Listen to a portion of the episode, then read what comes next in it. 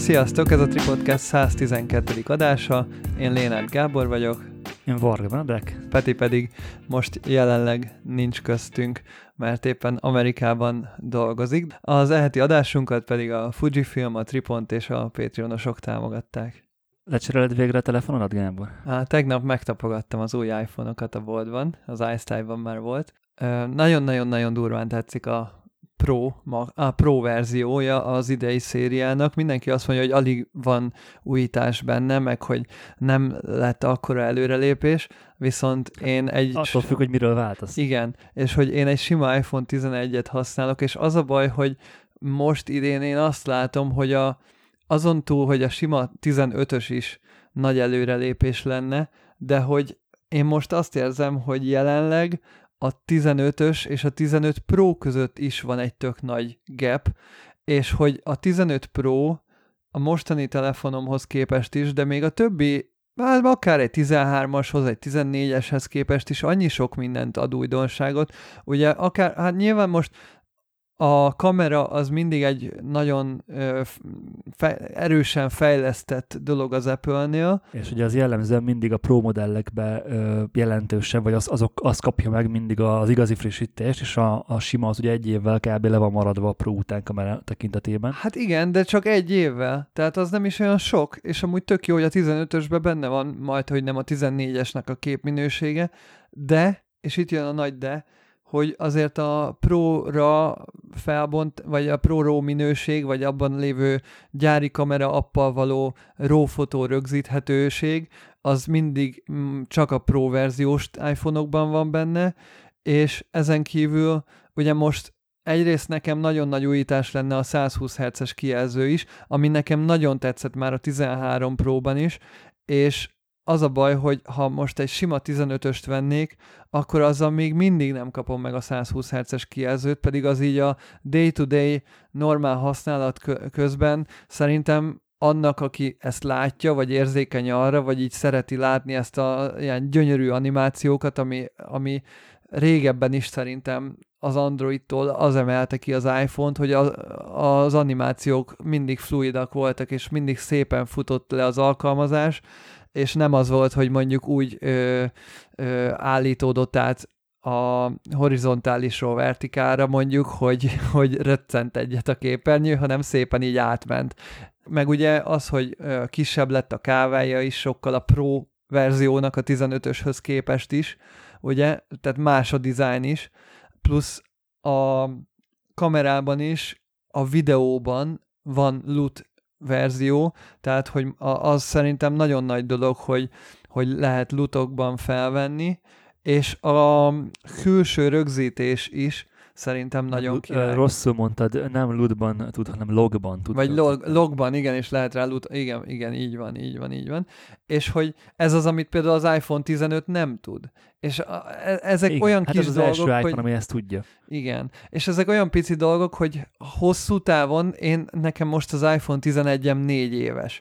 És ha most vennék 600 ezerért, vagy akár 400 ezerért egy új ö, iPhone-t, mert 400 a sima 15-ös is, akkor úgy vagyok vele, hogy ismét négy évre venném. És a, a sima 15-ben, hogy nincsenek benne ezek a dolgok, már most ilyen elavultnak érződik, mert hogy nyilván a Pro az, ami a mostani technológiának a csúcsát képviseli, a másik az meg kicsit tudod, ez a visszavett technológia, és hogy, hogyha négy évre nézem előre, akkor azért tényleg így szarul érzem magam, hogy nem tudom, két év múlva a basic iPhone 17 tudni fogja azt, amit most a Pro tud, és akkor így tényleg én nem két évre akarom venni ezt a telefont. Figyelj, szarul azért érez magad. Ö, annyit tudok mondani így a tapasztalatom alapján, hogy nekem, a, amikor a legelős, tehát az, e, az első olyan telefonom, ami már Pro modell volt, az a 11 Pro volt, ugye előtte nekem egy 8 pluszon volt, ugye a 8-as szériánál még nem volt ugye Pro verzió. Hát akkor az X volt a Pro verzió. És uh, amikor ugye elkezdtem dolgozni a Mirádónál, ugye akkor kaptam egy céges telót, és a kettő éves, nem, az egy éves, uh, nem, várj, mennyi volt? 19 végén vettem a, a 11 Pro-t, hát másfél éves volt kb. a telefonom, hogy lecseréltem egy sima 12-re 11 Pro-t. És az elején egyébként tök jó volt, hogy egy kicsit nagyobb a kijelzője a 12-nek, meg igazándiból nyilván picit talán gyorsabb volt, Ö, viszont így utólag visszagondolva a kamera az, hogy ugye ebbe csak két kamera van, hogy az ultranalidátor meg a normál, az, az a legnagyobb visszalépés volt, és ezt a mai napig bánom, hogy, hogy nincsen tele, tele, bármilyen szintű telekamerám, és igazándiból én is három-négy évente cserélek telefont, és szerintem, hogyha ilyen, ilyen időintervallumokban gondolkozol, és, és nyilván meg, ha meg tudod engedni, akkor én abszolút azt mondom, hogy a Pro modellt kell megvenned, mert ö, hosszú távra tervezel vele, és négy év alatt az a plusz, nem tudom, nem tudom, nem tudom hogy pontosan mekkora a különbség, de mondjuk 100 forint négy év alatt az elenyésző ahhoz képest, hogy mennyivel időtállóbb tud lenni a telefon. Hát igen, mondjuk a 14 Pro is használtan most már elég jó áron van, sőt nem használtan is, még újonnan is lement az ára. Tehát egyébként sokaknak a 14 Pro is jó lehet, mert azzal, hogy most újra áraszta az az eurót az Apple, ugye tavaly 420-as vagy 430-as euróhoz árazta be a 14 Pro-kat, most meg 390-es euróhoz, emiatt ilyen 50 ezerrel olcsóbb lett a 15 Pro, mint tavaly a 14 Pro volt, és emiatt az új árakat tekintve a, az összes többi modellnek az ára is egy picit lejjebb ment, és néztem, hogy esetleg a 14 Pro is tök jó lenne, de az a bajom vele, hogy én nekem ugye mindig is alumínium iPhone-om volt, és mindig csodálkoztam, amikor valakinek így megfogtam a Pro iPhone-ját, hogy hát ez nem kéne, mert annyira nehéz, nagyon nehéz az acél benne, és hogy nem jó az egyensúlya, ráadásul a nagy kamera is a, a, a tetején, így ki, na, rossz egyensúlyban van, nagyon front heavy az egész, tehát a teteje nagyon nehéz az iPhone-nak, és alul fogod. És ilyen szempontból is az idei évben a Pro modellek előre léptek, hogy végre kb. ugyanolyan könnyűek a, a, a titánium bevonat miatt, vagy nem is bevonat, hanem a titánium frame miatt ugyanolyan könnyűek majdnem, mint az alumínium verziók.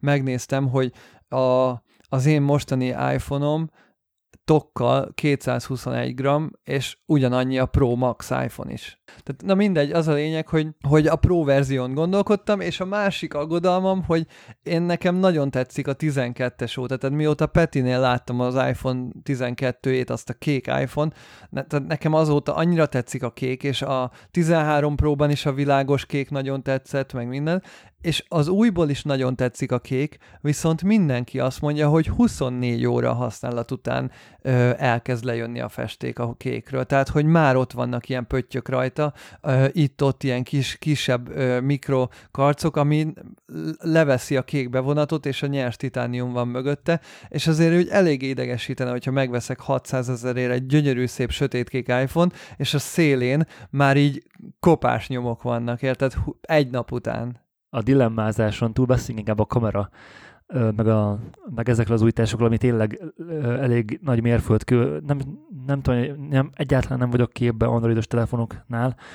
Nem tudom, hogy tudja ezt bármelyik másik kamera, vagy nem kamera, mobil, vagy okostelefon, de ugye megkapta az, az iPhone 15 Pro ugye a ProRes ö, log rögzítési lehetőséget, stock kamera abból is, tehát nem kell hozzá meg külső kamera app, és nem csak belső memóriára tud rögzíteni a kamera, hanem, vagy a telefon, hanem külső, akár SD kártyára, pendrive-ra, SSD-re, igazán bármire, amit bele tudsz dugni az USB-C csatlakozójába. És az Apple-nek az, iPhone, az iPad-hez van egy ilyen USB-C to SD olvasója, és simán, ha azt rádugod most már, akkor rendesen SD kártyára tudsz rögzíteni. Ez nagyon, ez szerintem nagyon király. Tényleg. Igen, nyilván szerintem az SSD-re rögzíteni még mindig jobb, csak abba gondolj bele, hogy érted, itt van egy okos telefon, és a kamerák, tehát a fényképező, a hibrid milcek, amik tudnak fotózni, meg videózni, és tudnak ezer éve internál logba rögzíteni, egy darab kamerát mutass nekem, ami, ami fényképező gép. Nem tudják még ma, a mai napig ezek a, tehát se a Nikon, se a Canon, se a Sony nem tud a mai napig SSD-re rögzíteni. De És tud. az iPhone meg már tud. A Sony nem tud, tényleg? Nem, csak külső rögzít, csak, csak úgy, tudsz, úgy tudsz külső rögzítővel, rögzítőre rögzíteni, hogyha egy ninján keresztül rögzítesz ja. SSD-re. Hát a Blackmagic kamerák tudnak? Igen, de az nem fényképező. Ja, értem. Hát igen, ez például érdekes, hogy nem tudnak külső rögzítőre a kamerák, de hát ö, ja, meg a másik az, hogy érdekes lehet az, nem tudom, hogyha most ennyire nagy pro ö, videókamerának szánják most már az iPhone-t, hogy mennyire kell arra még figyelni, vagy ez van-e, nem tudom, tudsz erről, hogy az iOS 17-ben esetleg javítottak-e azon, hogyha mondjuk valami fontos felvételt csinálsz éppen, akkor mindenképp be kellett tenni még mindig repülő üzemmódba, hogyha van egy bejövő hívásod, akkor leáll le azonnal a felvétel, vagy, vagy ez most hogy van? Azt nem teszteltem, az jó kérdés volt egy BlackBerry bejelentés az Apple bejelentés után két nappal kb., ahol az új, kamerák, az új kameráikon túl, amiről még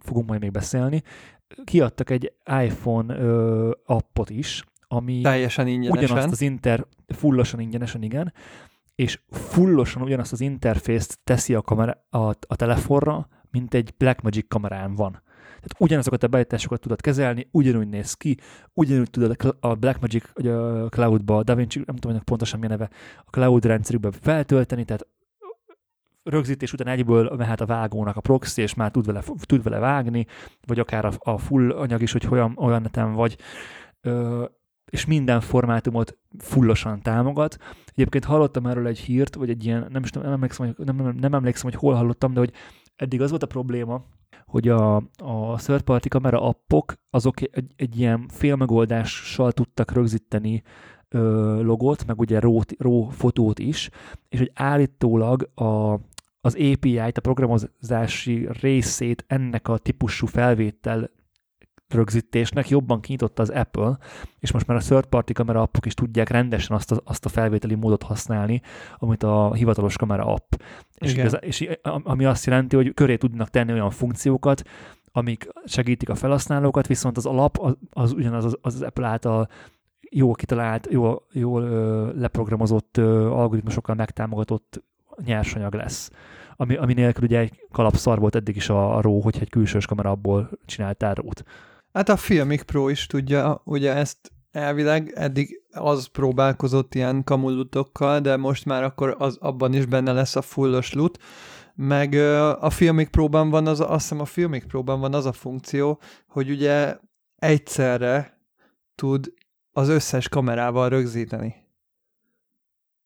Tehát nem a, tudom, nem használtam a Filmic Pro-t. De én néztem, lehet, hogy nem a Filmic Pro akkor, de van egy olyan app, és az egyébként nagyon durva, hogy egy, egyszerre tudsz felvételt rögzíteni az iPhone összes lencséjével. De még az elsővel is. Tehát azért az elég király hogy gyakorlatilag párhuzamosan megy, nem tudom, három-négy kamera. A, a másik érdekesség egyébként ilyen szempontból, akinek régebbi iPhone-ja van, az a külső appokhoz a RAW fotózási lehetőség, ami viszont már az iPhone 7 óta elérhető, és én pont nemrég ö, néztem át, vagy így streamline-oltam kicsit az összes iPhone fotómat, leszinkeltem a fotózappal, és akkor ott kitörlöltem csomó duplikációt, meg rendesen learchiváltam dátum szerint, meg minden, és hogy volt nagyon sok, hát vagy 30 gigányi ilyen random RAW fotók voltak, mert azért a RAW fotók elég sokat foglalnak, és akkor itt ugyanúgy darálom, mint, a, mint ahogy az iPhone-nal, tehát mint ahogy a gyári appal ilyen 10 fps lehet akár fotózni, és most sok ilyet kitöröltem, és az a durva, hogy feldolgoztam a RAW fotókat, és nagyon kemény, hogy a sima külső appokból érkező RAW fotó is, hogyha van fény az iPhone-nak, akkor azért elég jó. Nyilván sötétben még a night mode még mindig megveri a sima módosítatlan RAW fotót, de már ilyen közepes fényeknél is akár, hogyha megtámogatjuk kicsit a Lightroom denoise akkor nagyon szép tiszta képeket lehet e, kinyerni, még egy régebbi iPhone-ból is, hogyha nem a gyári kamera appot használjuk. Hát igen, most meg ugye majd főleg jobb lesz. Hát igen, minél jobb a szenzor, meg az obi, annál, annál jobb. De ezt akartam a leges legelején mondani, hogy te korábban pont azt mondtad, hogy mindig, amikor új iPhone megjelenik, akkor mindig a kamerával tudod meggyőzni magadat, hogy majd akkor használod kameraként az iPhone, meg nem tudom, és aztán mindig miután megveszed az iPhone-t, oda jutsz, hogy a valódi kameráidat használod, és az iPhone-t meg csak ilyen iPhone dolgokra, hogy Spotify, Instagram, stb. És akkor ott vagy, hogy felesleges volt a kamera része a vásárlásnak. Igen, de most jelen esetben nagyon szeretnék ugye videózásba belekezdeni, és hát nem, tudnák, nem tudtam volna ennél jobb uh, upgrade-et elképzelni az iPhone 15 Pro-ra. Tehát, hogy, hogy ugyanazt a kezembe tudja adni, amit egy Sony, vagy egy Canon, ja. vagy egy bármi, ami tud internál ö, logot felvenni. Ráadásul még több, többet is ad, mert ugye ezek a kamerák jellemzően ProRes rót nem tudnak internálban rögzíteni, csak külső tárolóra. Ö, nem, mint hogyha kéne mondjuk a ProRes RAW, az, az egy másik kérdés, de hogy elkezdeni megtanulni ö, fényelhető videót felvenni, és ugyanazt rendesen ö, color grading utómunkával feldolgozni, konkrétan a tökéletes eszköz az iPhone 15 Igen. Pro. És, és nyilván egy millió videó van a Youtube-on arról, hogy így meg úgy fényelték, ugye a, már, már most ugye hiába csak egy hete jelent meg, vagy még annyi, annyi se a Pro Max, vagy a Pro, ö, és nagyon meg, meggyőzőek az eredmények. És hogyha egy megfelelő workflow van mögé téve, meg nyilván megfelelő fények, meg production van a felvett mögött, gyakorlatilag nem mondod meg, hogy ezt egy iPhone-nal vették föl. Hát meg azért nagyon durva volt, én ennél a Tyler Stallman-nél néztem, hogy ugye van ez a nagyon durva kistabilizáló action mód, és hogy a teleobira is elérhető ez az action mód. Persze. És azt nem tudom, láttad-e azt a videót, amit csinált? Nem, nem hiszem. Fú, az nagyon kemény. Egyébként, hogyha van egy 20 másodpercet, akkor most megmutat, meg, megnézhetjük. Nem, majd, majd megnézzük De felvétel után. Én majd belinkeljük akkor a show notes-ba. Egy szobrot vett fel így te, full távolról úgy, hogy csak gyalogolt a téren. Így a szobor ö, mindig próbálta a szobrot a kereső közepében tartani, de hogy rendesen gyalogolt a téren, teljesen izé, ö, mozgott, meg re, remegett az egész kamera, meg nem tudom, és akkor a, a végén az action móddal meg olyan ö, gyönyörű smooth felvétel jött ki, mint hogy nem tudom, helikopterrel vették volna fel egy gimballal, úgyhogy ugye erre is érvényes a log ö, felvételi mód, szóval Persze. ja, nagyon durva. Meg ugye ezek a, ezek a, stabiliz, ezek a stabilizációs módok, ezek például a davinci is elérhetőek. Tehát ezeket nem veszted el akkor, hogyha a third party appokat használsz. Amit akartam mondani, hogy pont az adásfelvétel előtt néztem meg a, Budget Peter McKinnon, a, a más néven a Metti Hopoja, vagy milyen neve a csávónak. Igen, a, a AliExpress-es Peter McKinnon. Igen aki egy Arri Alexa Vini LF-fel hasonlította az, össze az iPhone 15 Pro-t, és úgy csinálta meg, egyébként egy tök jó, tök jó ötlettel, tehát, hogy nem, nem mondta, hogy ez a szekció lesz az iPhone versus Arri, hanem az intro után bevágott egy ilyen félperces, viszonylag gyors vágásokkal operáló ilyen mood szekciót ami simán így elment nekem egy ilyen összekötő, nem tudom minek, és akkor utána mondta, hogy akkor ezekből random volt iPhone meg Arri, és én konkrétan így nem mondtam volna, meg így, tehát én így néztem a tévén, és így oké, okay, ez most akkor a Sony-ával felvett, és akkor most megyünk a tesztre. És közben nem, közben az Arri versus iPhone volt, és nem megmutatta, hogy snittenként, hogy melyik melyik, és így brutális. Uh-huh. Tehát így nem mond, konkrétan se a színekbe, se a dinamikában nem mondod meg, hogy melyik az arri és melyik az iPhone. Nyilván a mélységélesség az, az árulkodó tud lenni, de hogyha mondjuk nagyon közel mész az archoz, vagy nagyon közel mész a témához, akkor meg akkor is van egy természetes elmosása, hiába ugye kicsi, kicsi a szenzor, gyakorlatilag így nem tudod, nem tudod megmondani, hogy melyik melyik. Persze ez egy napfényes délután volt tök szép fényekbe, de érted, mégis. Uh-huh. Egyébként az viszont szerintem kicsit már most kezd fura lenni, hogy tudom, videóhoz elég a 12 megapixel a 4K-hoz, és nyilvánvalóan ezért nem is rakott bele a, az Apple a 8K-s felvételt, ö, felvételi lehetőséget, mert ugye a 48 megapixel lehetővé tenni, hogy 8K-ba vegyen fel, de ugye a nagylátó meg a telekamera az csak 12 megapixeles, emiatt ugye ott a 4K a maximum limit, és akkor a videónak a, gondolom, hogy az átjárhatósága miatt nincsen még 8K, de hogy azért fotóban most már ezt a, az, hogy csak 12 megapixeles, változatlan évek óta a nagylátó is, meg a tele is, azért ez így kicsit már hát kezd gáz lenni. Hát az, az az, de egyébként mint hogyha most nagyobb szenzort kapott volna a teleobjektív amúgy. Hát nem tudom, meg ez de most mindegy, kicsit fura, nyilván, hogy a... Nyilván jövőre is bele kell Ja. Nyilván jövőre is bele kell majd valamit tenni. Meg ez most kicsit furja, hogy a Pro-ban 77 millis tele van, a Pro Max-ban meg 120 millis tele, hogy most már nem csak kijelző méretet választasz, hanem objektív gyújtótávolságot is.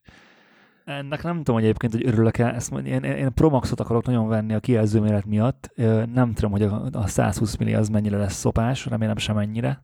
De hogyha így látatlanba kéne választanom, akkor inkább a 77 millit választanám. Én Aztán is. meg lehet, hogy nem. Nem tudom. Hát, ja. Ö, menjünk végig gyorsan, hogy a, a, a bejelentéseken, még az apple túl, amik voltak az elmúlt hetekben, mert egy eléggé megszaladtak így a gyártók. Minden. Hát ugye szeptember-októberben mindig ez van össze, mindenki hozza ki az újdonságokat. Említettem ugye már a Blackmagic-nél, amikor az afról beszéltünk, hogy voltak ott ám kamerabejelentések is, és hát jó lenne, hogyha minden jóslatom az így teljesülne, meg minden kívánságom így teljesülne.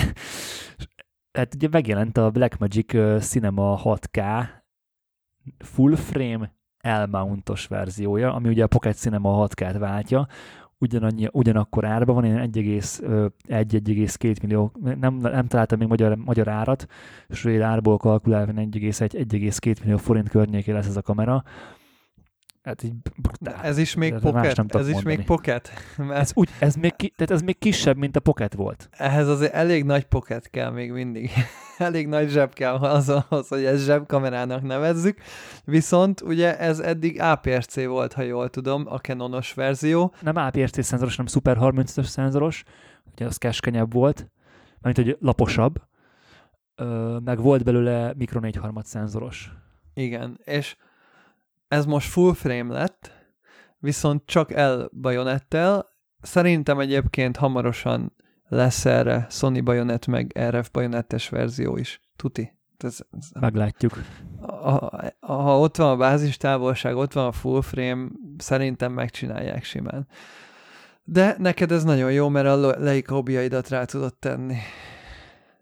Könnyen. A sony meg az Jó, mondjuk a többire is rá lehet tenni. És akkor e- ez lesz a videókamerád? Hát figyelj, hogyha, hogyha nagyon belejövök az Apple-be, és egy ilyen, nem tudom, 50 ezer feliratkozós YouTube csatornám lesz jövő ilyenkor, akkor lehet. Amúgy nem. Tehát akkor nem, 50 ezernél Black nem, Magic jön. Nem, tehát nem, nagyon-nagyon örülök hogy megjelent ez a kamera, és hogy van ilyen opció, mert ez egy rettenetesen jó opció, nem, nyilván nem ez lesz a következő fényképezőm, meg nyilván az iPhone kezdésnek tökéletes lesz, és az még szerintem a megtanulásban, meg így a, abban, hogy könnyebben tudjak elkezdeni videózgatni, még segíteni is fog, hogy egy, iPhone-nal fog felvenni, és mindig ott van nálam. Egyébként tervezek hozzávenni majd ND szűrőszettet, meg ilyen kicsit vannak ilyen cage amire tudsz rátenni állványmenetet, meg mindenféle ilyen dolgokat, hogy azért, hogyha mit tudom, ha, ha dedikáltan megyek ki, akkor, akkor azért lehessen főleg az ND szűrő miatt kosztümizálni a vázat valamennyire, de, de az, hogy bármikor a Go jelleggel elő tudom kapni a zsebembe, és tudok felvenni vele egy fullos log ö, ver, ö, footage az, az csoda, és hogy nem kell kamerát cipelnem ehhez, úgyhogy semmiképpen nem venném most meg a Blackmagic-et, de baromira örülök neki, hogy ez megjelent. Ö, és akkor a, hát nem tudom, melyikkel folytassuk, a Nikon, Nikon is megjelenített egy új kamerát. Jó, hát a Nikon ZF-fel is folytathatjuk igazából. Ez az EFC-nek a full frame verziója, én ennyit tudok, meg azt, hogy azt mondták, hogy nagyjából Z6-2 szenzor és az Z9-ben lévő processzor van benne, tehát láthatjuk azt, hogy esetleg mi lesz a Nikonnál a következő lépés a prozumer kategóriában. Szerintem ez nagyon jól elő, előrevetíti az, hogy a, az Z63 és az Z73 hogy fog nagyjából felépülni. Én azt gyanítom, hogy a mindkettő váz kapni fog egy, ö, egy jobb szenzort, vagy egy új, újabb szenzort, tehát lehet, én, én gyanítom, hogy az E7 meg fogja kapni azt a 61 megapixeles szenzort, ami, ami már egy csomó sony benne van, meg ami az M11-ben is benne van.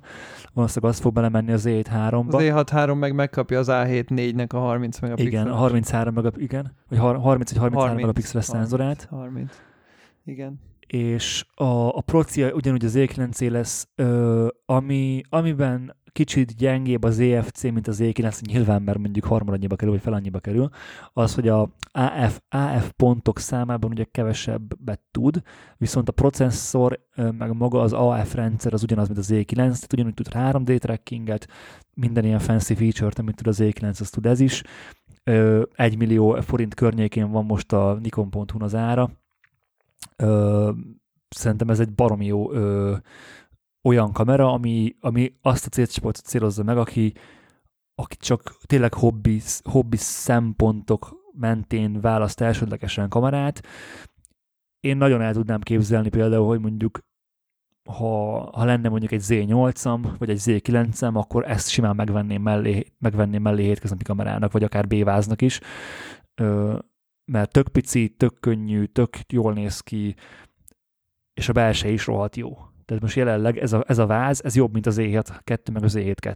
Hát igen, kivéve ugye a, a fogás, meg a felhasználói felület az azért más. A szubjektív. Nekem például ez a, ez a vázkialakítás sokkal jobban tetszik, mint az E6-2, Z7-2 vázkialakítása. Hát igen, ez szubjektív. Nyilván tényleg, ha ha munkára kell, akkor kevésbé előnyös, ha pedig hobbira kell, akkor meg ízlés kérdése. Annyiból jó, hogy tényleg most már azért így a Nikon sok mindent megtanult a korábbi, korábbi kommentek meg egyébek alapján, hogy így jó lenne, hogyha mondjuk videóban nem fognák vissza, tehát beleraktak mindent, amit tudtak videó szempontból is, nincsen szándékosan lebutítva, ugye az Z6-2, Z7-2-ben még nem volt log felvételi lehetőség sem, ebben most már Z7 van. Z7-2-ben volt. Z7-2-ben volt. A Z7-2-ben volt, internálban is tudott már, a Z6-2-ben ugye ez, ez volt a nagy hiányosság, hogy ez nem tudott internál logot felvenni. Igen, igen. Csak külsőre. Ez meg tud. És, és annyira, annyira biztonsági játékos most a Nikon, hogy, hogy nem merték kihagyni a dupla kártyafoglatot egy ilyen kicsi vázból se. Igen.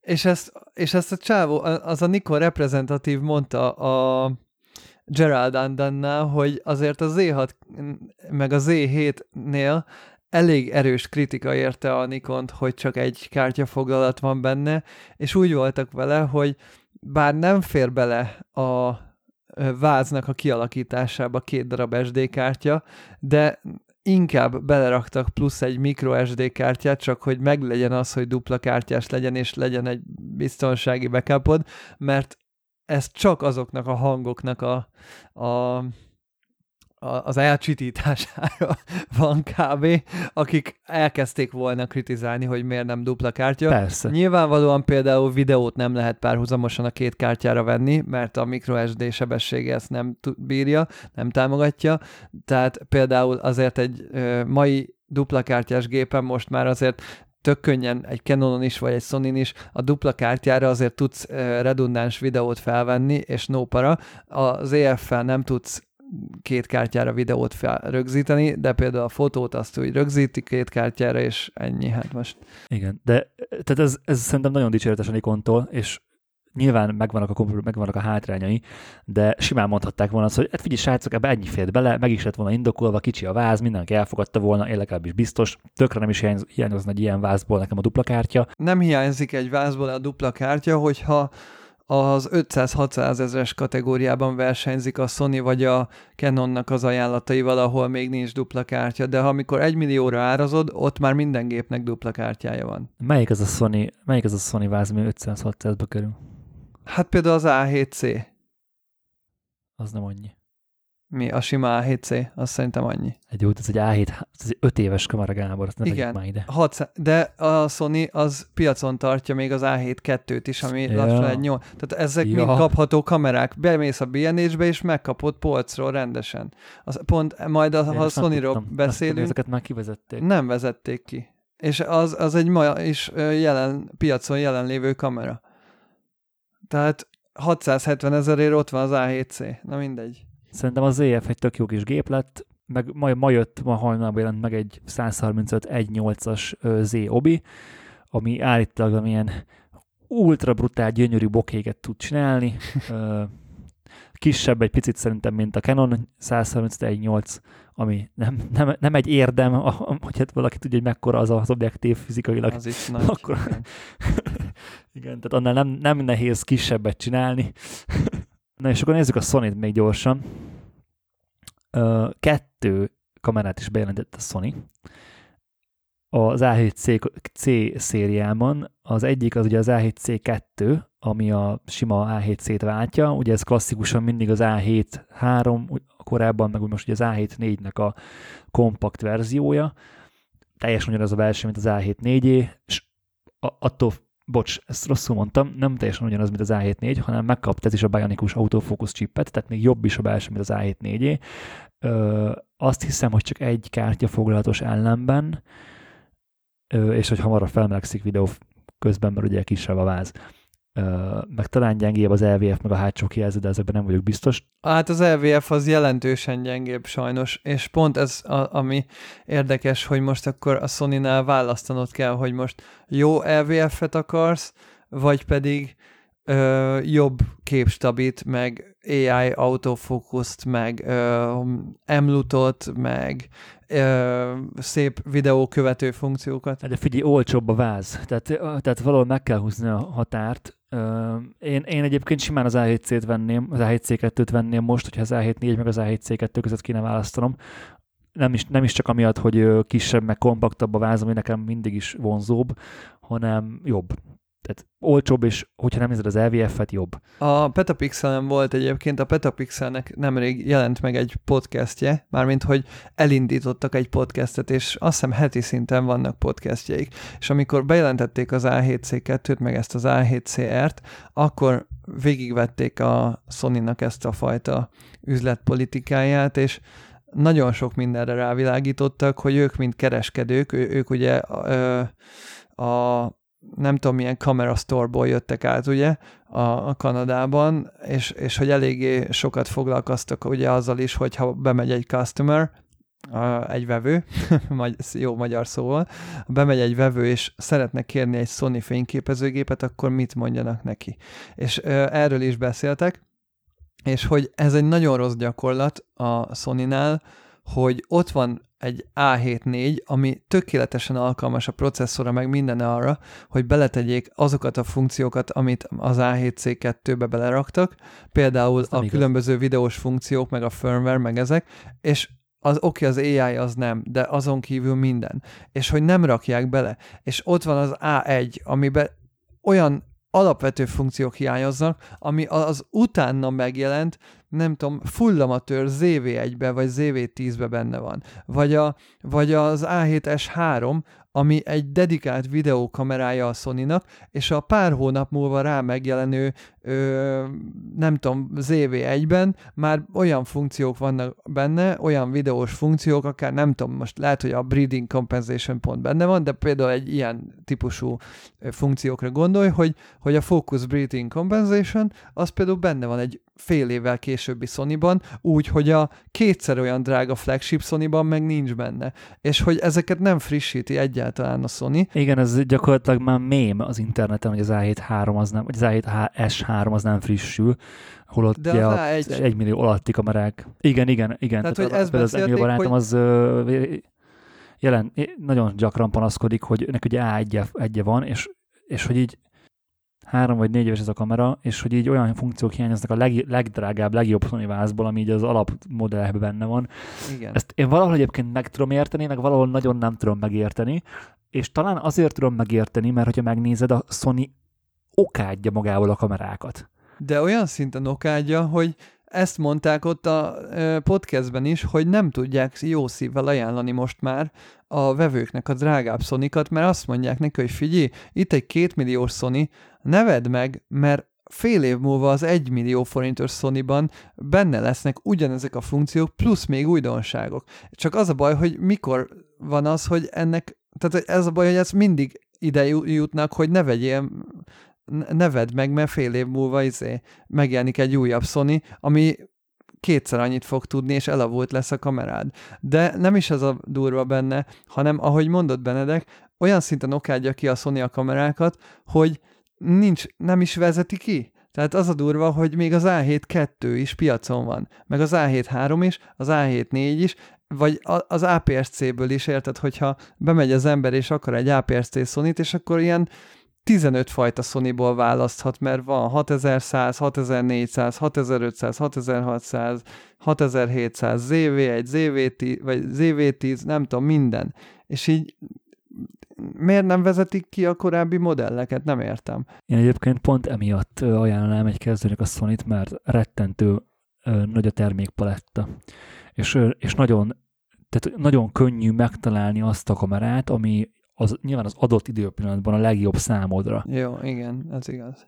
És, és az, attól, hogy most megjelenik egy új kamera, attól nem lesz, az, nem lesz a fél éves kamerád elavult. Tehát ez azért de mondjuk.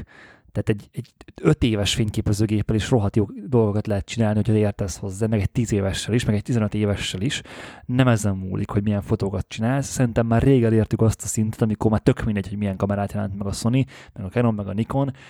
A fotózás szempontjából a kép, elkészült kép végeredményben nem tudod megmondani, hogy milyen kamerával készült. Nyilván a kényelmi funkciók, meg a nagyon speciális felhasználás, ami nyilván a videónál sarkalatosabb, az abban tud fejlődni, de hogyha csak a fotót nézzük, ró fotót, szerintem egy 5-10 éves kamerával bőven, bőven olyan képeket lehet csinálni, hogy, le, lees, hogy így, tehát nem is, nem is kell annál jobb, mindegy. Ez, ez hát képminőségre igen, egyébként használatra én emlékszem, hogy ugye nagyon sokáig szittük az A7 és amikor a Samyangokat teszteltük, és az A7 4-et elvittük, én emlékszem, hogy az első normális kamerának a fotóra is az A7 4-et mondtuk, és az A7 4-ben van már hát olyan meg az A1, mert ugye az előtte volt. Hát igen. Ugye ez drága volt. Onnantól, ami Sony fényképezőgép megjelent, az fotóra már én is azt mondom, hogy tökéletesen használhatók, onnantól egyéni ízlés, hogy most kinek mennyire kényelmes, viszont ugye itt most a videós funkciókról beszéltem, hogy ott azért elég sokat újít a Sony folyamatosan, és és ott, hogyha valaki mondjuk pont mint te Benedek, hogy egy videókamerát keres, és nem tudja még, hogy neki most 600 ezre vagy 1 millió forintja van a videóra, csak szeretne majd egy olyan kamerát venni valamennyiért, ami minél hosszabban, minél több funkcióval kiszolgálja, és nem akar évente vázat cserélni, akkor azért ott érdekes, hogy most akkor melyik sony vegyed. Nem tudom, neked tetszenek-e ezek az új A7C-k? Nekem egyébként az A7CR az nagyon szimpi 1,5 milla környékén van, a Sony A7C2 az ilyen 1 milla, tehát az kb. ugyanennyi, mint a ZF, meg az A7 meg most ugye az, hát nyilván most az A7, vagy az, a Canon R6 II az akcióban most olcsóbb, de ugye a videóban például az jelentősen bénácskább, mint ezek. Öm, igen, egyébként ez, ez is a bajom, hogy ha, ha, mind, ha mindenre jó kamerát akarnék venni, akkor muszáj lenne megvennem az A1-et. Mert azt tud jó fotót készíteni, meg jó videót készíteni. Nem, hát videóban nem De. tud olyan, nincs csomó olyan kényelmi funkció nincs benne, ami lehet, hogy neked pont hasznos lenne. Igen, a viszont ami, ami nem kényelmi funkció, hanem ténylegesen hasznos funkció, az, hogy például az A7 R5, meg az A7 C R, ugye 60 megapixeles Sony váz, az például 60, 4K 60 FPS csak crop módba tud felvenni. És meg hasonló is dolgok vannak. Tehát, hogy, hogy ilyen problémák azért vannak, és hogy a, ami például full frame szenzoros, full teljes szenzort kihasználva tud 4K 60 FPS-t, az jelenleg a, a, azok a kamerák, amikben az a szenzor van, ami az A7S3-ban van. Ö, meg az A1 tud ilyet és az összes többi, az a 60 FPS, az például kroppolja. 25 meg 30 FPS-ben nem kroppol, az oké, okay. de ha mondjuk akarsz egy lassítós snittet felvenned, és mondjuk 50-essel akarod ezt felvenni, akkor föl kell tenni a 35 mm objektívet mert bele bele kroppol. Tehát, hogy, hogy nem, itt nem csak, a, nem csak a kodekeket kell nézni, meg az, hogy milyen, milyen focus breeding, nem tudom, miket tud a váz, hanem, hanem ez nekem például sokkal fontosabb, hogy légy ne kroppold bele a szenzort, hogyha 100 vagy 60 FPS-be akarok felvenni egy snittet meg hasonlók. Mindegy, tehát hogy, hogy, tehát, hogy még, még amellett, hogy a sony rohadt nagy a termékpalettája, nincs tökéletes váz, náluk se, és ugye mondtad azt, hogy milyen kamerát vennék ahhoz, hogy, hogy ne, ne érezzem magam elavultnak, vagy ne érezzem azt, hogy két fél év múlva vagy elavult lesz, és hogy például én ezért vennék például, hogyha nagyon videózni akarnék, én azért nem is, nem is Sony-t vennék másodváznak, hanem simán megvenném a Blackmagic-et, mert ez egy dedikált videókamera és tudom, hogy nem tud olyan autofókusz, mert nincsenek benne olyan kényelmi funkciók, mint a sony de nem is volt benne, és nem is lesz benne, tehát nem fog hiányozni. Hát igen, de a videóhoz azért nem kell az autofókusz, pont oda tök jó. Mert ott eléggé meglátszik, Tud, egyébként hogy... tud, tud autofókuszt. Hát jó, a, csak a, nem a, olyan szinten. Blackmagic. Mindegy, tehát hogy szerintem az, hogyha megtanulsz használni, vegyük az M11-et. Tökre nem hiányzik, hogy nincs benne autofókusz, és halál boldog vagyok vele. Tehát ha megszoksz egy rendszert, ami, amit van, és, és szereted használni, és inspirál hogy arra, hogy használd, akkor tök mindegy, hogy mit, jelent, mit jelenít meg egy gyártó, vagy mit nem jelenít meg, vagy mikor frissül a kamerát, vagy mikor nem frissül. Nyilván, tudom, hogy bosszantó nyilván, Tehát én, én sem örülnék neki, hogyha még ha megvettem volna, nem tudom, az A7 egyet három éve, három millió forintért, és a most egy millió alatti kamerák többet tudnának, nyilván tök bosszantó. De hogy ha meg kiszolgál, meg szeretett használni, akkor meg való tök mindegy. És majd egyszer úgyis lesz A7 egy Mark 2, vagy nem A1, tudom, és akkor az nem A7, egy A1. Vagy, vagy á, bocs, A1 Mark 2, és akkor arra majd lehet cserélni, hogyha annyira kell.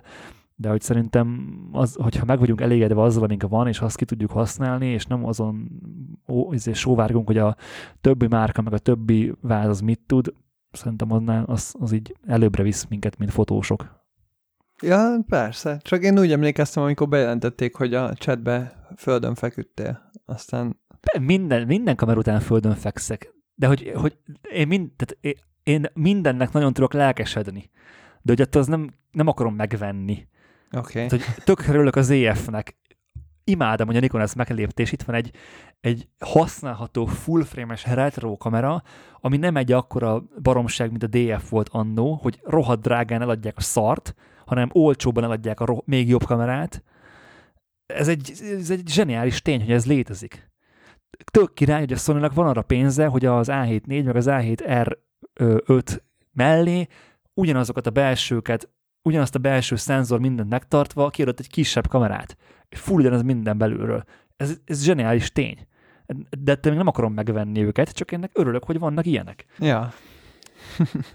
És hogy van olyan gyártó, aki erre ad, érted? Tehát, hogy meg... Hát végső soron nyilván a választék, meg a plusz termékek, az csak nekünk jó igazából, meg minél így van, így van. sűrűbben adják ki, annál jobb, mert annál közelebb állunk mindig a fejlesztésekhez, ez igaz. Igen. Ja, és egyébként, hogyha ha, ha már a földön fekvésről van szó, akkor nyilvánvalóan a GFX 100 már kettőtől is a földön fetrengtem.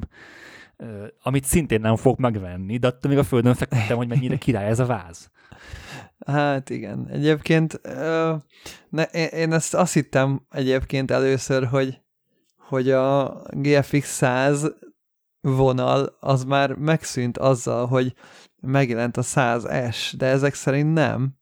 És ne, én, én ezen csodálkoztam, hogy a Fuji a GFX 100-nak hozott ki egy utódját, és nem pedig a 100S-nek az utódját hozta ki. Tehát, hogy én azt gondoltam, hogy korábban a 100S-nek az ára csak azért volt belőle ilyen 3 millió forintra, mert mert akkor a technológia azt engedte meg, hogy ennyiért lehet megcsinálni, és amikor leolcsósodott ez a technológia ilyen 2 millió 4-re a 100S-sel, én azt gondoltam, hogy innen már árban csak lefelé megyünk, hogy minél jobban a full frame gépekkel versenyezzene a, a Fuji, és nem pedig nem megy vissza a 7500 dolláros megabrutál árcetlihez, meg a cserélhető keresőhöz, ami a GFX 50S után már egyik GFX-ben sem volt benne, kivéve ugye azt hiszem a GFX 100-ban ismét, ami szintén rohadt drága volt, szóval hogy nem értem teljesen, hogy például miért kell ilyen drága dolgokat beletenni, mint a cserélhető kereső,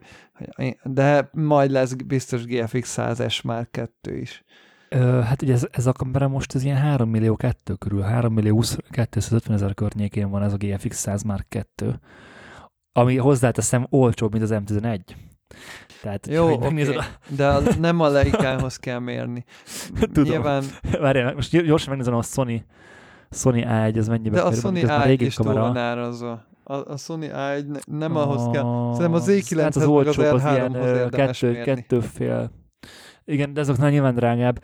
Ö, érdekes, hogy ezt miért leépte meg a Fuji. Ráadásul úgy, hogy ugye az, az eredeti GFX 100, ugye ez egy beépített malkotos váz volt.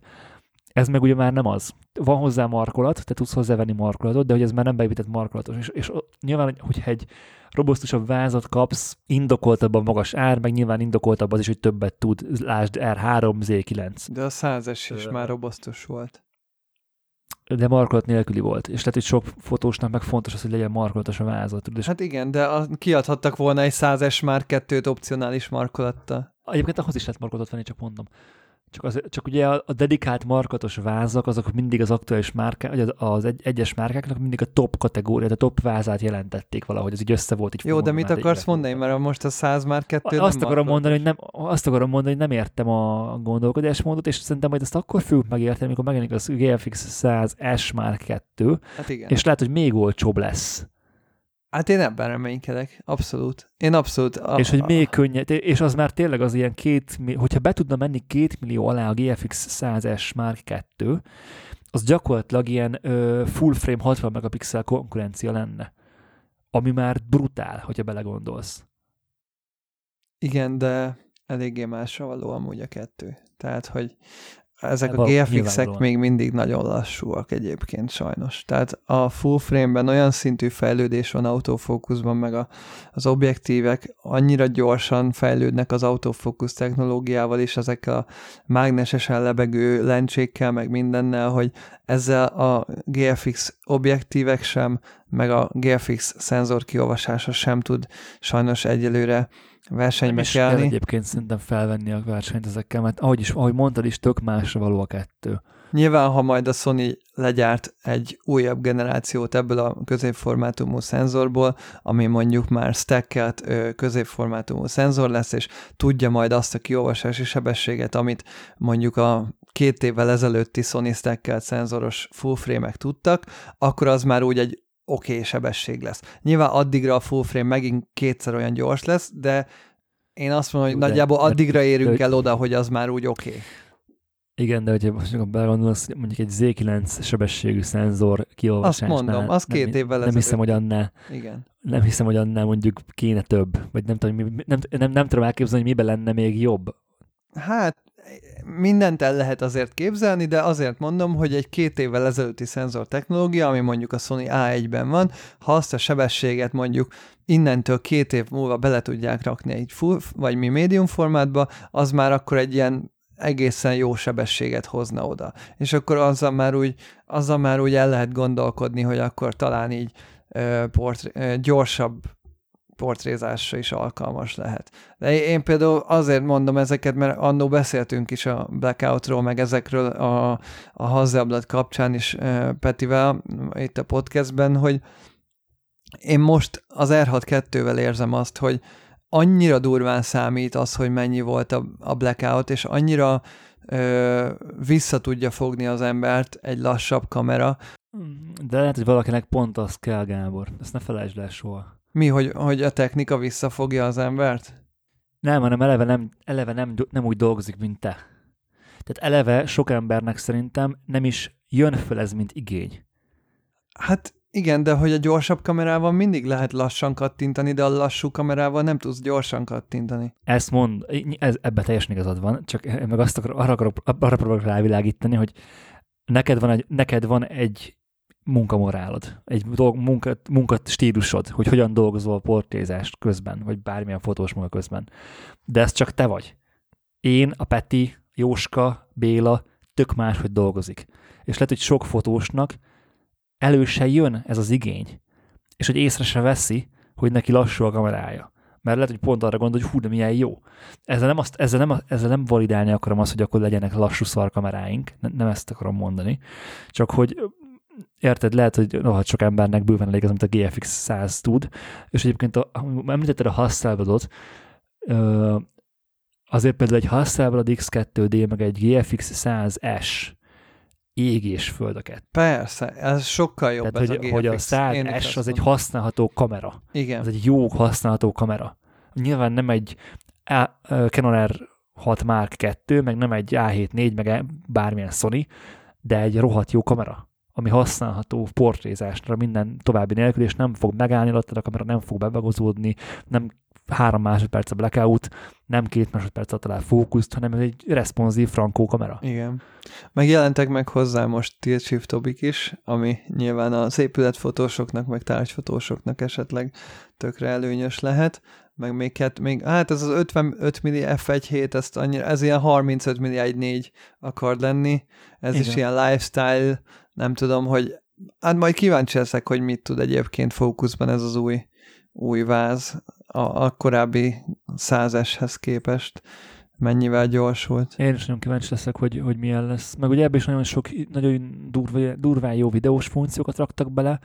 Például az, hogy ugye tud a medium format szenzorról full, tehát ugye ez large formatnak hívja már a cinema ezt ezt a méretet, rögzíteni, ami, ami például nagyon sok anamorf lencsérhez, meg, meg arri-ra, arri, arri large használt ö, ö, objektívet fogsz tudni ezzel használni igazándiból töredék áron, meg kis, jóval kisebb mérettel. Hát igen, csak ott azért érdemes állványra tenni a gépet, és maximum, hogyha Persze, igen. embereket videózol, az úgy oké, okay, de nagy ö, kameramozgásokat nem szabad belerakni, mert akkor azonnal a ö, rolling shutter sajnos bejön a lassú szenzor kiolvasás miatt, ami ugye egy ilyen nagy szenzoron, ahogy végigmegy az összes sáv full frame azért az úgy elég sok sok idő sajnos. De egyébként persze el, el tudom képzelni majd egy-két filmben, mint egy ilyen ö, spe, ö, speciális ö, sátra, ahol mondjuk egy helyben áll a kamera, és nagyon el kell mosni a hátteret, és nincs pénze a produkciónak az ARI 65-re, aminek ugye még nagyobb szenzora van, annak ugye a nagy fézvános 645-ös szenzora van, de ha nincs pénzed ARI 65-re a büdzsében, akkor, akkor betesznek egy ilyen GFX 100-est, és akkor egy-két, egy-két jelenetre talán így ott van, és akkor így oké. Okay. Ja. Na hát akkor ennyi volt a Techtober, vagy mi, hogy hívják ezt?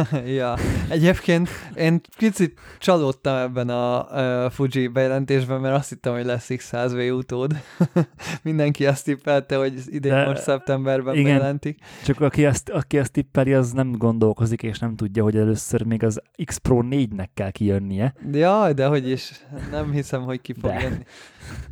Szerinted hamarabb fog jönni X Pro 4? X Pro 4? hogy hamarabb fog jönni az a baj, hogy szerintem lehet, hogy a Fuji meg látja a számokat, és látja azt, hogy az X Pro-ból, széri, mint széria, kevesebbet ad el, és hogyha a gyártási kapacitással küzdködnek, akkor olyan gépet fog előre sorolni, amiből nagyon sokat elad. Igen, csak still nem gyárt X100V-t.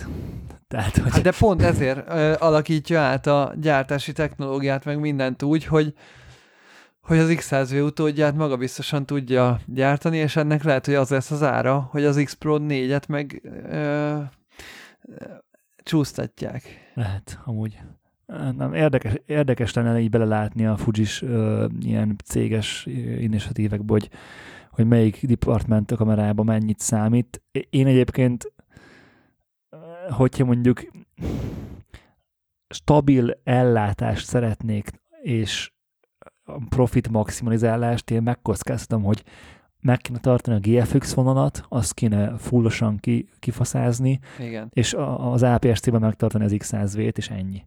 Hát igen, viszont az van, hogy a számok alapján az XHS 2-t, meg az XH2-t is azért elég sokan vásárolják, meg feltételezem azért az amatőrebb ilyen ö, APS-C gépeket is sokan vásárolják, mint például, ami nálad volt teszten, az XS 20-at. A legkevésbé Fuji, Fuji kamera. Konkrétan többször kerestem rajta a fizikai tárcsakat, és többször nem találtam, hiszen nincsenek rajta. Nagyon fura volt. Ez akkor már ilyen GFX-es stílus? Hát inkább azt mondanám, hogy olyasmi, mint a Canon, mint a Nikon. Aha. Ö, tehát, hogy, hogy a klasszik mirror lesz, nagy, mélyebb markolatos, ö, de még azért kisebb formát, for, mint egy Sony. Tehát kicsi a váz, de, de rendes markolat van rajta. És hát, figyelj, megnéztem ennek az árát. 525 ezer forint bruttó. És ez, ez egy rohadt jó kamera. Hát engem, hogyha ilyen laikus fotós vagy fotósnak készülő, vagy hogy is mondjam, tehát amikor megkérdez egy ismerős, aki ilyen távoli ismerős, hogy Szia Gábor, úgy hallom, te fotózol. Fotózol még? Tehát, hogy ez a, ez a típusú ember, tudod, hogy így... Nem, most már csak podcastelek. Ö, nem, azt se tudja, hogy éleke vagy halok, de mindegy, és akkor így ezer évről ismer, de így látta valaha, hogy így konyítok valamennyit a fényképezéshez, és akkor megkérdezi, hogy ha besétálok a média márkba, akkor mit vegyek 500 ezer környékén, mert maximum ennyi a büdzsém, sőt, lehet, hogy azt mondja, hogy 300 ezer a büdzsém, és akkor mondom neki, hogy abból ö, vehetsz két darab nagyobb CF Express kártyát, aztán ö, bedughatod a semmibe, tehát, hogy nagyjából Öm, mindig mondom, hogy azért érdemes azt a büdzsét kicsit stretchelni 4-500 ezer környékére, és hogy az van, hogy én általában ezeket a kis Fujikat ajánlom APRC-ben. Nyilván, ha van 500 ezer forintod, és ö, maximum ugye egy jobbim fér be, bele, meg nem akarsz obikat sem cserélgetni, meg semmit, tehát tényleg a legamatőrebb laikusról beszélünk, aki csak jó minőségben akar akár családi fotókat csinálni, vagy nyaralásokat jobb minőségben rögzíteni, nekik mindig azt szoktam mondani, hogy ö, nem kezdem el ajánlgatni az RP-t 51.8-al, meg ilyen hülyességek, mert, mert nem fogja tudni semmire használni, mindig azt mondom, hogy figyelj, vegyél egy 1855-tel egy Fujit, és akkor jó az nagyjából, vagy, vagy sokan szokták kérdezni a Panasonicokat is, mert azokban még sokszor a négyharmados szenzor miatt akár így olcsóbbak is, arra is azt szoktam mondani, hogy hát figyelj, nyilván kicsi szenzor, de hogyha úgy érzed, hogy jó, akkor vedd meg, mert arra, amire te használod, arra az is tökéletes lesz, és hogy ez az XS20, XS20, ez tényleg egy olyan APS-C kamerának tűnik, ami minden szempontból úgy kielégíti egy ilyen laikus kezdőnek a, a minden igényét. Nem, pont, pont ez a durva, hogy, hogy még, még az én igényemet is kielégíteni, kis túlzással. Na, de mi, mit tud ez? Mi, mi, mit tud, ami kielégíti az igényeidet akkor? 20, uh, 26 megapixeles talán? Igen, nem, nem tudom pontosan, ilyen 25, 25 körüli a... Tehát ugye az nem, nem tud annyit, mint az XT5, mert ugye az már, az már 40 valány megapixel, nem tudom ezeket fejből. Tehát ez a 25 körüli megapixel szám, ami szerintem tökéletes. Ö, ez 26 megapixeles, ro- ezt most nézem, igen. Igen, azért mondom, hogy, hogy az, az így ilyen alapfelhasználásra tökéletes. Ö, rohadt gyors a váz, rohadt responsív a váz, rohadt jó az autófókusza, rohadt jó követő autófókusza, normális témáknál, tehát nyilván nem fotóztam vele a focit, meg ilyeneket. Ö, tök, tök kényelmesen fogható a váz, nem nagy, Ö, nyilván flippy screenje van, ami kérdéses, ö, bár ugye be tudod csukni, ami nem tudom, néha előny. Nem tudom így nagyon mélyre ereszteni ezt a review-t, mert hogy ez egy, ez egy jó kamera. Tehát, hogy nem, nem tűnt belőle Milyen volt az semmi. AF? Mondom, tökéletesen, engem tökéletesen kiszolgált. Jobb volt, mint az X100V, sokkal, simán hozta a Nikon szintjét, összenéztük egy Sony A7 4-jel, az, az is simán felvette a versenyt, tehát semmi ö, ilyen lemaradást nem éreztem. Ö, objektívek terén nálam volt a 23.1.4, ez új, az egy tök jó obi, csak egy picit szerintem nagy, már főleg, a, főleg ezekre a vázakra, tehát ugye ez nyilván ez egy full, akkora, az, akkora majdnem az az objektív, mint egy full frame-es 35 Ö, ami, ami nyilván egy APS-T váznál ez is nyilván preferencia, hogy kell-e a kicsi méret vagy nem, de egyébként meg rohadt az objektív. Elkértem még az új 18.1.4-et, meg az új ö, 51.0-át, de ezeket nem, szinte nem is használtam. Az 51.0 az akkor az objektív, hogy az ugye a Petinek az 51.2 ez így, így összevérhető a kettőnek a mérete. Na, ami nyilván egy ilyen kicsi, könnyű Fuji váznál nem biztos, hogy jó, zseniális az objektív, nyilvánvalóan, de hát nagy. Meg nálam volt a ami egyébként a leghosszasabb objektív volt, amit elkértem, az 50-142-8. És ráadásul ez egy régi objektív, már viszonylag régi objektív, hogy ez a 70-202 lényegében a Fujira, internál zoomos, ami rohadt nagy piros pont, uh, viszont sajnos akkora kb. mint egy Canon full frame 70-202-8, ami, ami megint az, hogy hát túrázni voltam vele, hát húzta a vállam, de hát most ez van. Egyébként, hogyha ezt frissíteni, az, ha ezt frissíteni a Fuji egy kisebb, újabb verzióra, az, az nagyon jó lenne. Meg nálam volt, ez egy rohadt vicces objektív volt, a 15-45 három féltől 5-6 objektív. Ki többi? Ami nem a 18-55-2-8-4-5, vagy nem tudom mi annak a másik vége. Ugye az alap kitobi, ami, ami tök sok ideig a kitobi volt. Bocs, 2.8 F4. 18-55 2.8 F4 volt ugye a klasszik Fuji kitobi. Meg még talán most is lehet kapni kitben, de most van ez az új, új kitobi, ez a 15-45. És amikor ez egy elhoztam, és így megnéztem, hát ez egy tök jó, tök kicsi, rohadt könnyű objektív, tehát egy műanyag bajonettes, tök, nincs súlya gyakorlatilag, és amikor először rátettem a vázra, és így bekapcsoltam, így konkrétan hogy az történik, hogy bekapcsolod a vázat, és az objektív így duplájára nő. mert ez egy, ez egy power zoomos ob. és hogy, hogy kb. olyan, mint a bekapcsolós Nikonok, tudod, ez a, meg a nem tudom, Canon gyárta olyat, de hogy nem te kapcsolt be az objektívet egy zoomolással, hanem a vász kapcsolja be.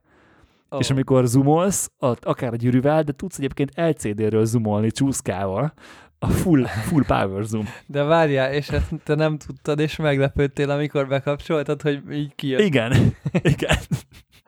Amúgy vicces, tényleg, hogy tök pici kis obi, és így látom, hogy utána Egyébként hozzáteszem, hogy, hogy, hogy használt, mert direkt, vissza, direkt visszadtam a, a, a fixeket, mielőtt kijöttem Svédországba.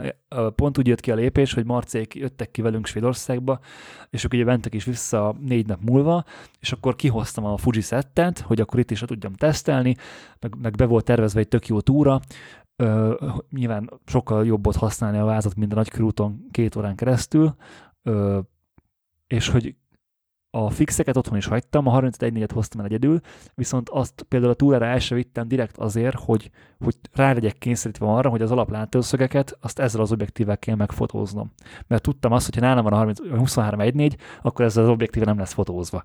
Bármennyire is meg kéne néznem, hogy milyen. Mondjuk 7 fényértékes szenzorstabi van benne, tehát hogyha állóképeket fotózol, tehát úgy állóképek, hogy nem nagyon akció van a fotón, vagy nem mozgást, vagy nem annyira nagyon durván mozgó embereket, akkor a kis fényerő is oké okay lehet. Nyilván feltéve, hogyha nem akarsz hátteret mosni, tehát ilyen tájképekhez, meg ilyenekhez tök oké. Okay. Persze, meg jelen, mostanában úgyis ilyen 5-6 alatt én nem nagyon szoktam fotózni, úgyhogy az tökéletes volt, és egyébként 5-6, tehát jó az obi, tehát hogy nem szar. Tehát, hogy nem egy ilyen kitóbi feelingje van. Nyilván az, hogy ez egy power most meg ilyeneket, az, az De a videóhoz az hogy kifejezetten még akár előny is lehet. Akár még, akár még előny is lehet. Nyilván, ha mondjuk nem akar, ha, ha kell mélységélesség, akkor persze nem jön az objektív, de hogyha nem kell mélységélesség, és az a lényeg, hogy minél kisebb, meg könnyebb az obi, gyakorlatilag filérekért mellé adják a váznak, akár például, a, ha megkérdezi valaki tőled Gábor, akkor nyugodtan mond nekik, hogy ezt vegye meg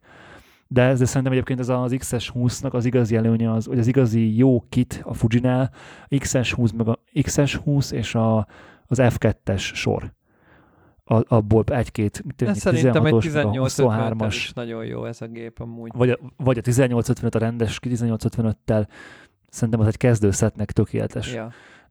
De, de mondom, hogy, hogy videós funkciókban is nagyon-nagyon jó az, az, az, az XS20. Látom, hogy annyira jó videóban, hogy még rá is lehet rakni ezt a uh, cooling fent, ezt a kis ventilátoros cuccot. Figyelj, majd, tehát gyakorlatilag az ilyen leg, leges, legdurvább ö, sok megabit per szekes kodekeken, kodekeket nem tudja, viszont minden mást tud, mint az XH2S.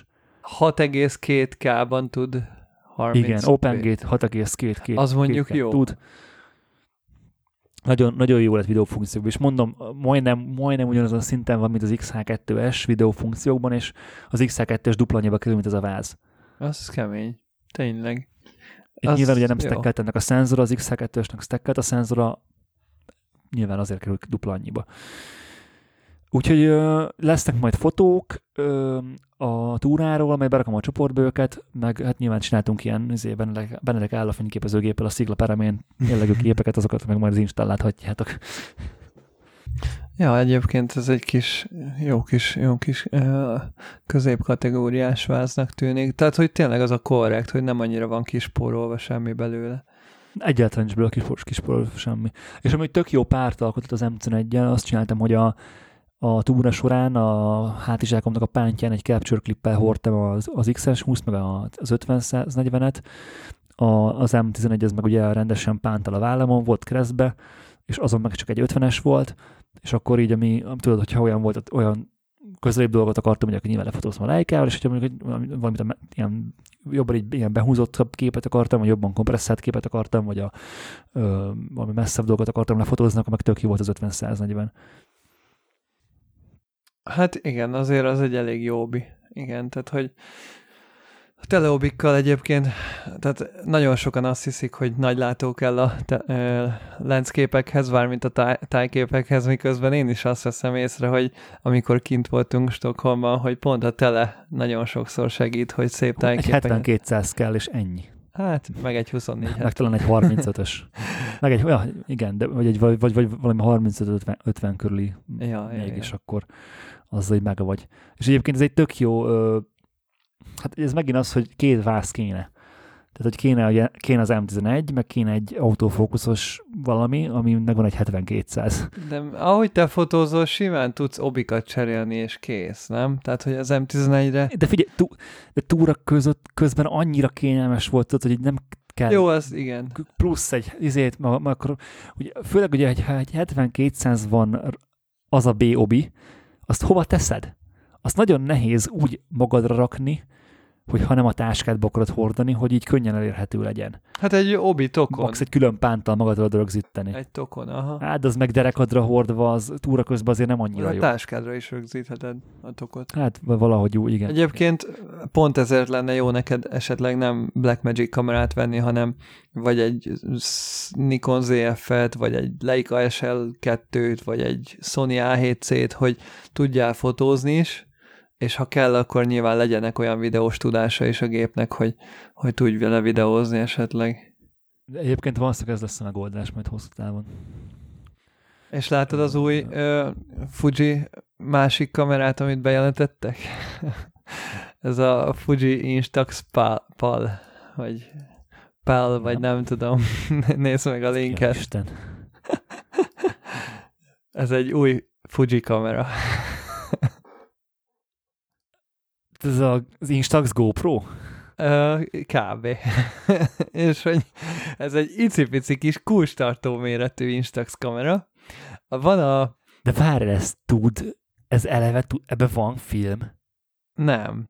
Ez úgy működik, hogy vagy a telefonodhoz tudod csatlakoztatni Bluetooth-szal, és oda átküldi a digitális fotókat, vagy pedig az Instax nyomtatóhoz, és Amerikában ezt bundle-ben az Instax nyomtatóval együtt árulják egyébként. Lehet, hogy majd később lehet külön is kapni, de valamilyen nagyon olcsó ára van egyébként. És de mi az a tetén az a fehér? Az, a, az, a, az, a... az egy LED, tehát ott, ott nyomod így meg a gombot, meg a hátulján van az Expo gomb, ja, az Expo. és ja. van elől egy LED, ami vaku, egy ilyen ledes kis vaku. Tehát ez egy nagyon egyszerű kis, nagyon béna minőségű cucc, csak ez egy ilyen fán hát, kamera. Instax a tökéletes. Konkrétan az Instax Evo Mini, ami nálunk volt, aminek tudjuk milyen képminősége van, abból kiszeded a kameramodult és belerakod egy ilyen picibe, tehát ez az Instax nyomtató mellé van. Ez egyébként nagyon érdekes, hogy kritizálták az Instax, mert ennek a bejelentésénél, vagy a videója alatt így kommentben, hogy ez minek, meg hogy az Instax Evo is, meg hogy olyan béna a képminőség, és akkor így írták kommentben ennek az embernek, aki ezt kritizálta, hogy egyrészt az Instax ága a Fujinak messze a legprofitábilisabb és a legtöbb pénzt hozza, és ezen belül elvileg az Instax Evo a legtöbbet eladott fényképezőgép a, a Fujinak, tehát ráadásul még a, a képminőség azoknak, akik ezt veszik, nem számít, és hogy a Fuji látja a számokat, és hogyha látja azt, hogy az a kamera minőség elég volt, és szeretné mondjuk a Fuji nyomtató mellé egy olyan kamerát, ami még ö, szórakoztatóbb akár használni, még jobban lehet vele szórakozni, meg ö, tényleg így egy kulcstartóként konkrétan nálad lehet. Persze, most tudom, hogy a telefonod is mindig nálad van, és hogy arról is ugyanúgy át tudod küldeni a nyomtatóra, meg minden, de hogy valahogy mégiscsak látja a Fuji a számokban azt, hogy a fun faktor miatt az emberek vesznek Instax kamerákat annak ellenére, hogy a telefon is ott van a zsebedben, és ki tudnád nyomtatni az Instax nyomtatóval, de mégis eladnak csomó kamerát. Ha csak mint, mint ha már Fuji bejelentések, meg új kamerák, gondoltam berakom ezt a szuper komolyan vehető kis kamerát is. Egyébként, ha már itt tartunk, hogy megjelenések, megjelent az új Photoshop is, nem tudom, nézted-e Benedek, hogy a, ami eddig beta volt, most már megjelent a Photoshop 25.0, tehát ugye ősszel mindig megjelenik az új Photoshop, és Photoshop 2024 néven most már megjelent a 25.0-ás Photoshop, tehát lefrissült szépen az egész, és végre mindenki számára, mármint hogy a normál commercial Photoshopban is benne van a Generative AI, ami azt jelenti, hogy most már papíron commercial célokra is lehet használni a generált funkciót, vagy generatív AI funkciót, amit eddig a beta úgymond papíron tiltott, de hát már eddig is azért használták az emberek, de most már ugye rendesen Photoshop Industry Standard, mindenki használja pénzkeresésre, és az összes funkciója most már használható lett, és ezzel bejött egy új változás a Photoshopban. Képzeld, azt fog, azt vezeti be a Photoshop, hogy ugye azzal, hogy te generálsz bizonyos képrészleteket a Photoshopon belül, azzal elég jelentősen használod az Adobe-nak a szerver Cloud rendszerét, gondolom. rendszerét, a szervernek a kapacitását, és azáltal, hogy ugye most minden Photoshop felhasználóra ezt így ráengedték, ezzel eléggé megnő a, a szerver kapacitás igény, és az Adobe november 1-től bevezet egy kreditrendszert, ami úgy alakul, hogy előfizetéstől függően te kapsz egy bizonyos számú kreditet, a Photography Planben, amiben Lightroom meg Photoshop van, amit mi fizetünk, abban 250 kredit van egy hónapban, és a generatív funkciókra ez úgy működik, hogy amikor egyet generálsz, akkor egy kreditet levon, és összesen 250 kredited van egy hónapra. Tehát minden egyes generálással csökken a kredited. De ez csak a, várjál, ez csak a Photoshopba lévőre vonatkozik, vagy a Lightroom Denoise-ra is vonatkozik? E, igen, ez, ez csak a generálásokra, tehát például a Photoshopnak a remove tool, a Photoshop remove toolja is használ AI-t, arra nem vonatkozik, a neurál filterek is már régóta használnak AI-t, arra se vonatkozik, a Lightroomban is az AI ö, maszkolásra meg ilyenekre, az, az sem generál, csak az AI-t segítségül hívja, hogy megfejtse a képeidnek a részletét, vagy segítsen a kijelölésben. Igen, de szerintem, azt szerintem lokálisan működik, mert azok a, Így, azok hát a nem, modellek... mert a Photoshopban bejelölheted a preferencesben, hogy a cloudot használja, vagy a lokális erőforrását a gépednek, és oda Aha. van, és a cloud az lassabb, viszont pontosabb. És ha már kijelölsz, akkor legyen már pontos. Tehát én, én azt például cloudra állítottam be, mert most két másodperccel hosszabb, de legalább pontos lesz a kijelölés. Ja, ja, ja. És itt az a lényeg, hogy hogyha generálni akarsz, akkor tök érdekes, hogy 250 kredited van egy hónapra, ha az all minden összes cloud alkalmazásra előfizetsz, akkor 1000, ha pedig csak egy-egy alkalmazásra fizetsz elő, amik ilyen komolyabb alkalmazások, hogy Pro, Premiere Pro, meg Illustrator, meg ilyesmi, akkor 500. Ami még érdekes, hogy oda van írva a az egyik kisbetűs részhez, hogy majd a később esetleg ez változhat, ez a kreditrendszer, amikor majd bevezetnek akár a videós funkciókhoz generatív dolgokat, meg ilyesmi, tehát más komolyabb ö, rendszerekhez komolyabb nyilván komolyabb ö, processzorigényű dolgokat bevezetnek, akkor az is lehet, hogy mondjuk egy generálás nem egy darab kreditet vesz le, hanem mondjuk ha videót akarsz generálni, akkor tizet vesz le. Ö, és az a legérdekesebb benne, hogy nem tudsz jelenleg vásárolni plusz kreditet, tehát ha kifogysz, akkor kifogytál, akkor abban a hónapban ö, hát azt írja, hogy csak lelassul. Tehát, hogy nem szűnik meg elvileg a funkció, csak ö, itt ugye az van, hogyha van kredited, akkor előrébb sorol, és akkor Ja, értem. És akkor a szerver... Ez, ez, ez így szerintem egész jó. Én tök, tökre megértem, hogy ezt miért kell bevezetni, és ez valahol elkerülhetetlen volt, mert ezek tényleg brutál erőforrásokat esznek. Tehát, hogy nem vehetlen például a ChatGPT 4.0 nem vehetlen előfizetés, és az se. Tehát, hogy ott is ugye ennek van, van, van erőforrás igénye, az pénzbe kerül a szolgáltatónak, ezt ki kell fizetni valakinek, nyilván nem fog kifizetni, nem a user. Ez tök egyértelmű. Az például szerintem tök jó, hogy, hogy nem lövi le. Tehát amit mondtál, hogy nem, hogy nem az, hogy akkor csáó van, hanem akkor lassabb lesz, de fogod tudni használni. Viszont ha pro user vagy, és nem akarod, hogy lelassuljon, azt írják, hogy hamarosan elérhetővé válnak ilyen csomagok, hogy azt írják, hogy 5, 5 dollárért lehet majd venni 10 kreditet, vagy mi 100 kreditet. Ja, értem. 100 kreditet 5 dollárért. Az tök király, akkor meg. Vehetsz, hogyha pro felhasználó vagy, és folyamatosan generálni akarsz, és nem akarsz várni, meg nem tudom, az idő pénz neked, akkor megveszed a krediteket. Csak érdekes, hogy a fizetős Photoshopon belül azt gondolnád, hogy akkor onnantól anything goes, és minden onnantól megy, Figyelj, eleve, eleve egy cloud szoftverről van szó, ami a havi alapú előfizetéssel rendelkezik, tehát hogy ez nem egy örök vásárlás soha. Tehát nem, ez már nem egy dobozos Photoshop, amit megveszel, nem tudom, 200 ezer forintért, és akkor az, ameddig használod, ameddig akarod, azt a verziót nyilván, hanem, hanem ez egy örökké frissülő, előfizetéses dolog. Igen. És hát nyilván ez egy újabb dolog az előfizetésben. Tehát ez olyan, mint hogy mit tudom én, nekem nem elég a két terás, vagy nem elég az 500 megigás Dropbox tár, hanem kell a két terás. Nyilván többet fizetek. Hát igen, meg hát... Ez ennyi. Meg ugye az van, hogyha most teszem azt, a háttérből ki kell venni, például én nemrég ö, csináltam ilyet, hogy Peti fotózott portrét, és a ablak előtt álltak a, az alanyok, és visszatükröződött a vaku az üvegen. És meg lehet, meg lehet csinálni a klasszikus Photoshop módszerekkel is, kredit meg minden nélkül, a régi klónstampot előveszed, és manuálisan megcsinálgatod.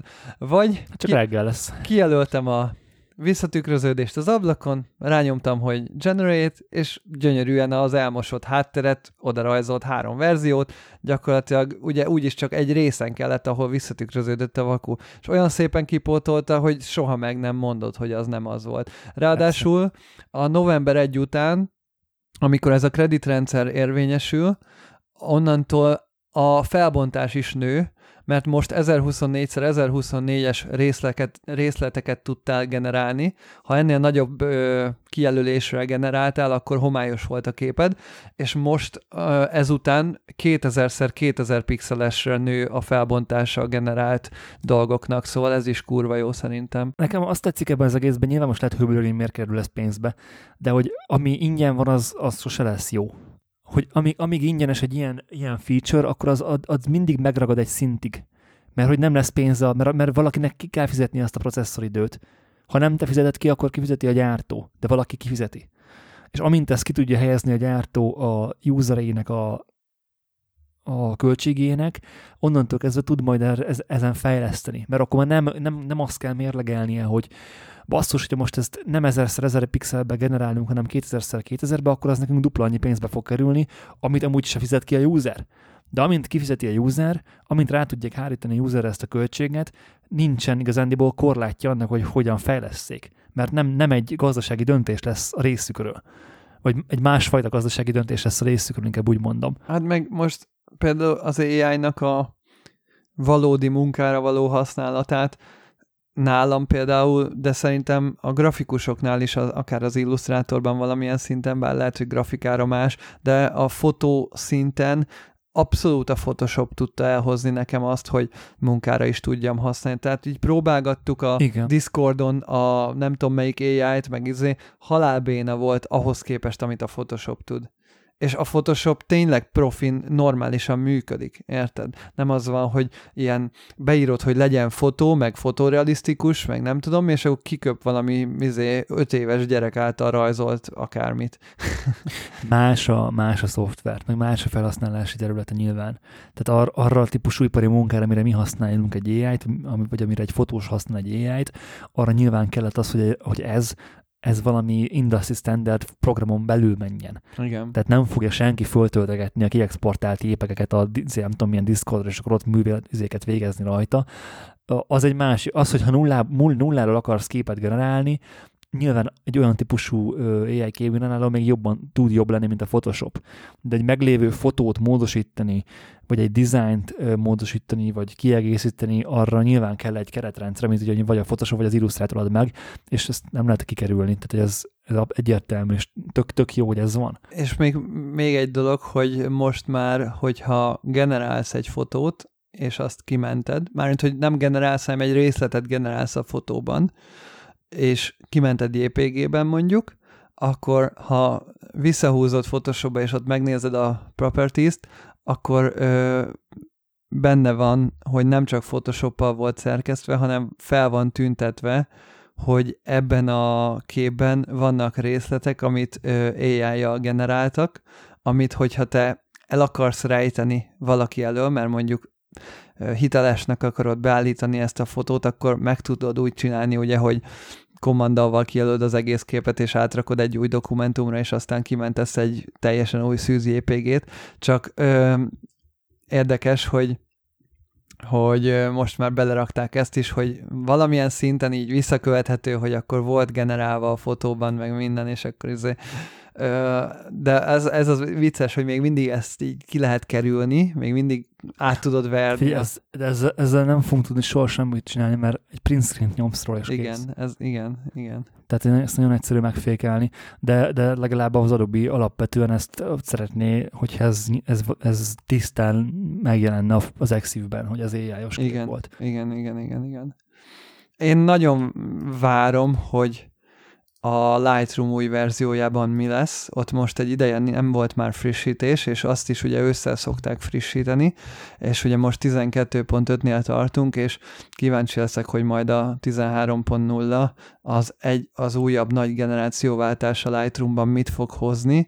Ö- én nem gondolom, hogy ott bármiféle generatív dolog lesz, esetleg mondjuk a spot healingbe tesznek valami generatív Ez nem most van. cuccost. Hát igen, az van, és hát ha azt fejlesztik, igen, erre gondolok. De hát ez nem lenne igazi fejlesztés. Mármint, hogy úgy értem, hogy persze fejlesztés lenne, de hogy az nem egy, az nem egy olyan fejlesztés lenne, amit, amit új featureként lehetne hirdetni. Um, én azt várnám, de szerintem nem lesz még a mostani Lightroomban, hogy egyre több, tehát most már három, négy, sőt, lehet, hogy még több olyan program is van már, ami a Lightroom-nak az API-ját használja, és azt feltölti egy cloudba, aztán AI-jal kielemzi a csúszkákat, és visszadobja neked, és a, az AI képszerkesztés a Lightroom-on belül, erre most már nagyon sok fizetős plugin van, és olyan 5-7 centekért adják ugye a per kép, és, és akkor ezeket a pluginokat szerintem jó lenne, hogyha az Adobe úgy gondolná, hogy hogy ezt a bevételt ezt inkább ő megtartja magának, és még akár fizetnék is pluszba érte, de tök jó lenne, hogyha a Lightroom-on belül történnének ezek az AI dolgok, és meg lenne az, hogy, hogy mint ahogy a, az AI-jal fel lehet dolgozni most már akár esküvői anyagokat meg ilyenek, hogy ez az új Lightroom verzióban natívban benne legyen. Azt szerintem nagyon jó lenne. Ez az, amit egyszer teszteltél, hogy igen, az esküvőt igen. feldolgoztatod egy ilyen... Ja, ja, az Na, az... és erre már most van sok alkalmazás, és ez most már terjed, és ez most már eléggé, eléggé ö, ott van a Lightroom előterében. Én azt gondolom, hogy ha a Lightroom igazán nagyot akarna megint fejlődni, akkor ez lenne a következő lépés, hogy a, a katalógusod alapján ő elkezdene megtanulni dolgokat, hogy te hogy szerkeszted, és az Adobe csinálna mondjuk AI preseteket, amit az alapján dolgoz ki, hogy te hogyan szerkesztesz. És egy kattintással az AI presetet rányomhatnád, és adaptív AI preset lenne, mint ahogy most adaptívak a maszkok is. Tehát ha mondjuk az egyik képen kijelölöm a felhőket, aztán azt a maszkot ugye rámásolom az összes képemre a katalógusban, akkor mindig adaptívan az adott képnek az adott felhőjét jelöli ki, és hogyha mondjuk egy presetet rádobnék az összes képemre, a, de mindig adaptálódna a képhez, az nagyon király lenne például. Hát nekem két kívánságom van, ez valószínűleg egyik sem fog megvalósulni. Natív vektorszkóp, vagy rendes ilyen szkópok, nem csak vektorszkóp, hanem az összes többi benne van a resolve meg rendes 3D lut és 3D lut szerkesztő felület. Uh-huh.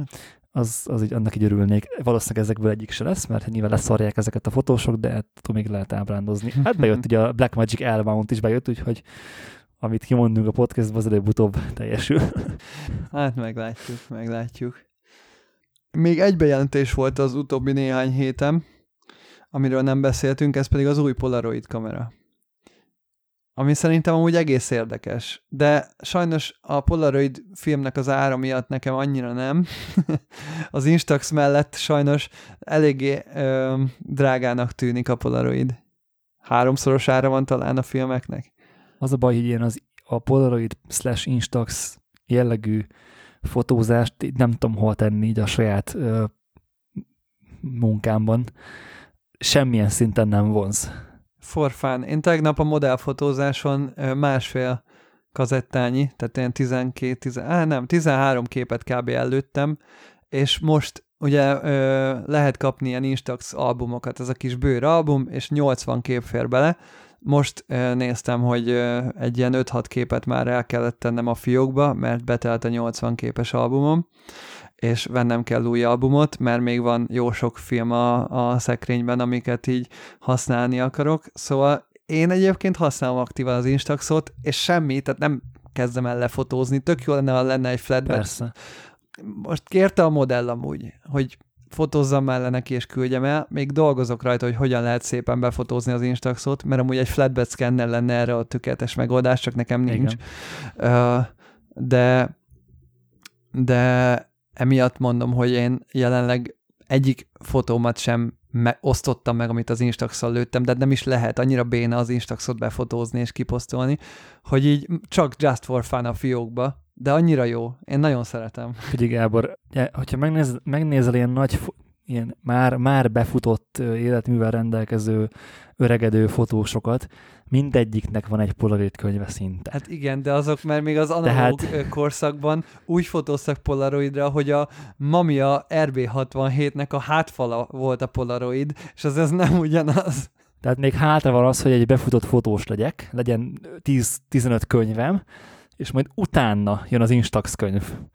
Tehát még van időm ezt, ezt így meg, meg, megszeretni és meglátni az értelmét. Az a baj, hogy az Instaxnál annyira kicsi a kontroll. Tudom, léteznek olyan kamerák, aminél Instaxra, uh, Instaxra rögzítés van manuális beállítási lehetőség, pont a Meddénél nemrég volt egy ugyanilyen, uh, meg egyébként az a Polaroid is ilyesmi, de de én sem akarok komolyan fotózni instant filmre. De pont az hogy nem komolyan fotózol vele, csak konceptuálisan fotózol vele. Hát jó. Oké. Okay. Érted? Viszont ennek a kamerának az ára is azért megijeszt egy kicsit, mert azért elég drága. Ez Mennyibe a... kerül? Fú, 600 dollár azt hiszem. Mi? Tehát eléggé durva, mert Polaroid i2 280 ezer forint itthon. Nem, nem itthon. 300 ezer itthon. Jézusom. Jó, hát nem, nem lesz ilyen kamerám egyelőre.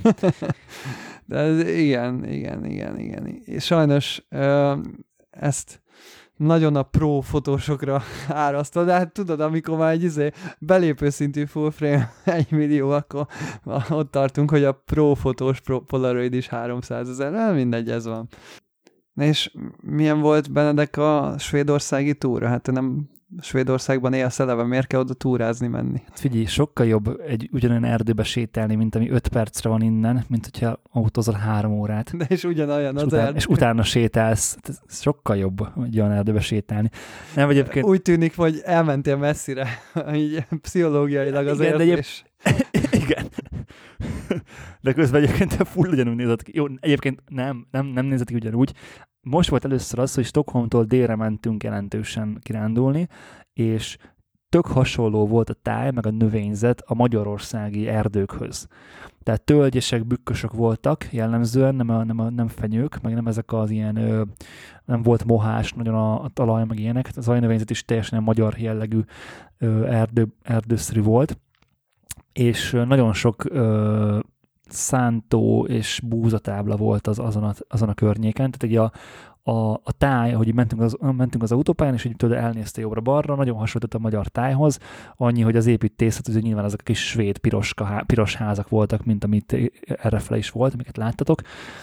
Üm, Egyébként azért mentünk oda, mert ez egy rohadt, egy tök nagy tónak a partjára mentünk, tök olcsó volt az Airbnb, egy tök jó kis ö, ilyen vendégházat sikerült kibérelnünk, és egyébként a magas part az nagyon szép volt, egy tök, tök szép túrát csináltunk, ugye ide vittem a, a Fujit is, és igazán, de amit akartam egyébként már elmondtam erről a túráról, hogy a, az volt a megfejtés, hogy kell egy másodváz egy 7200-zal, és úgy kell túrázni.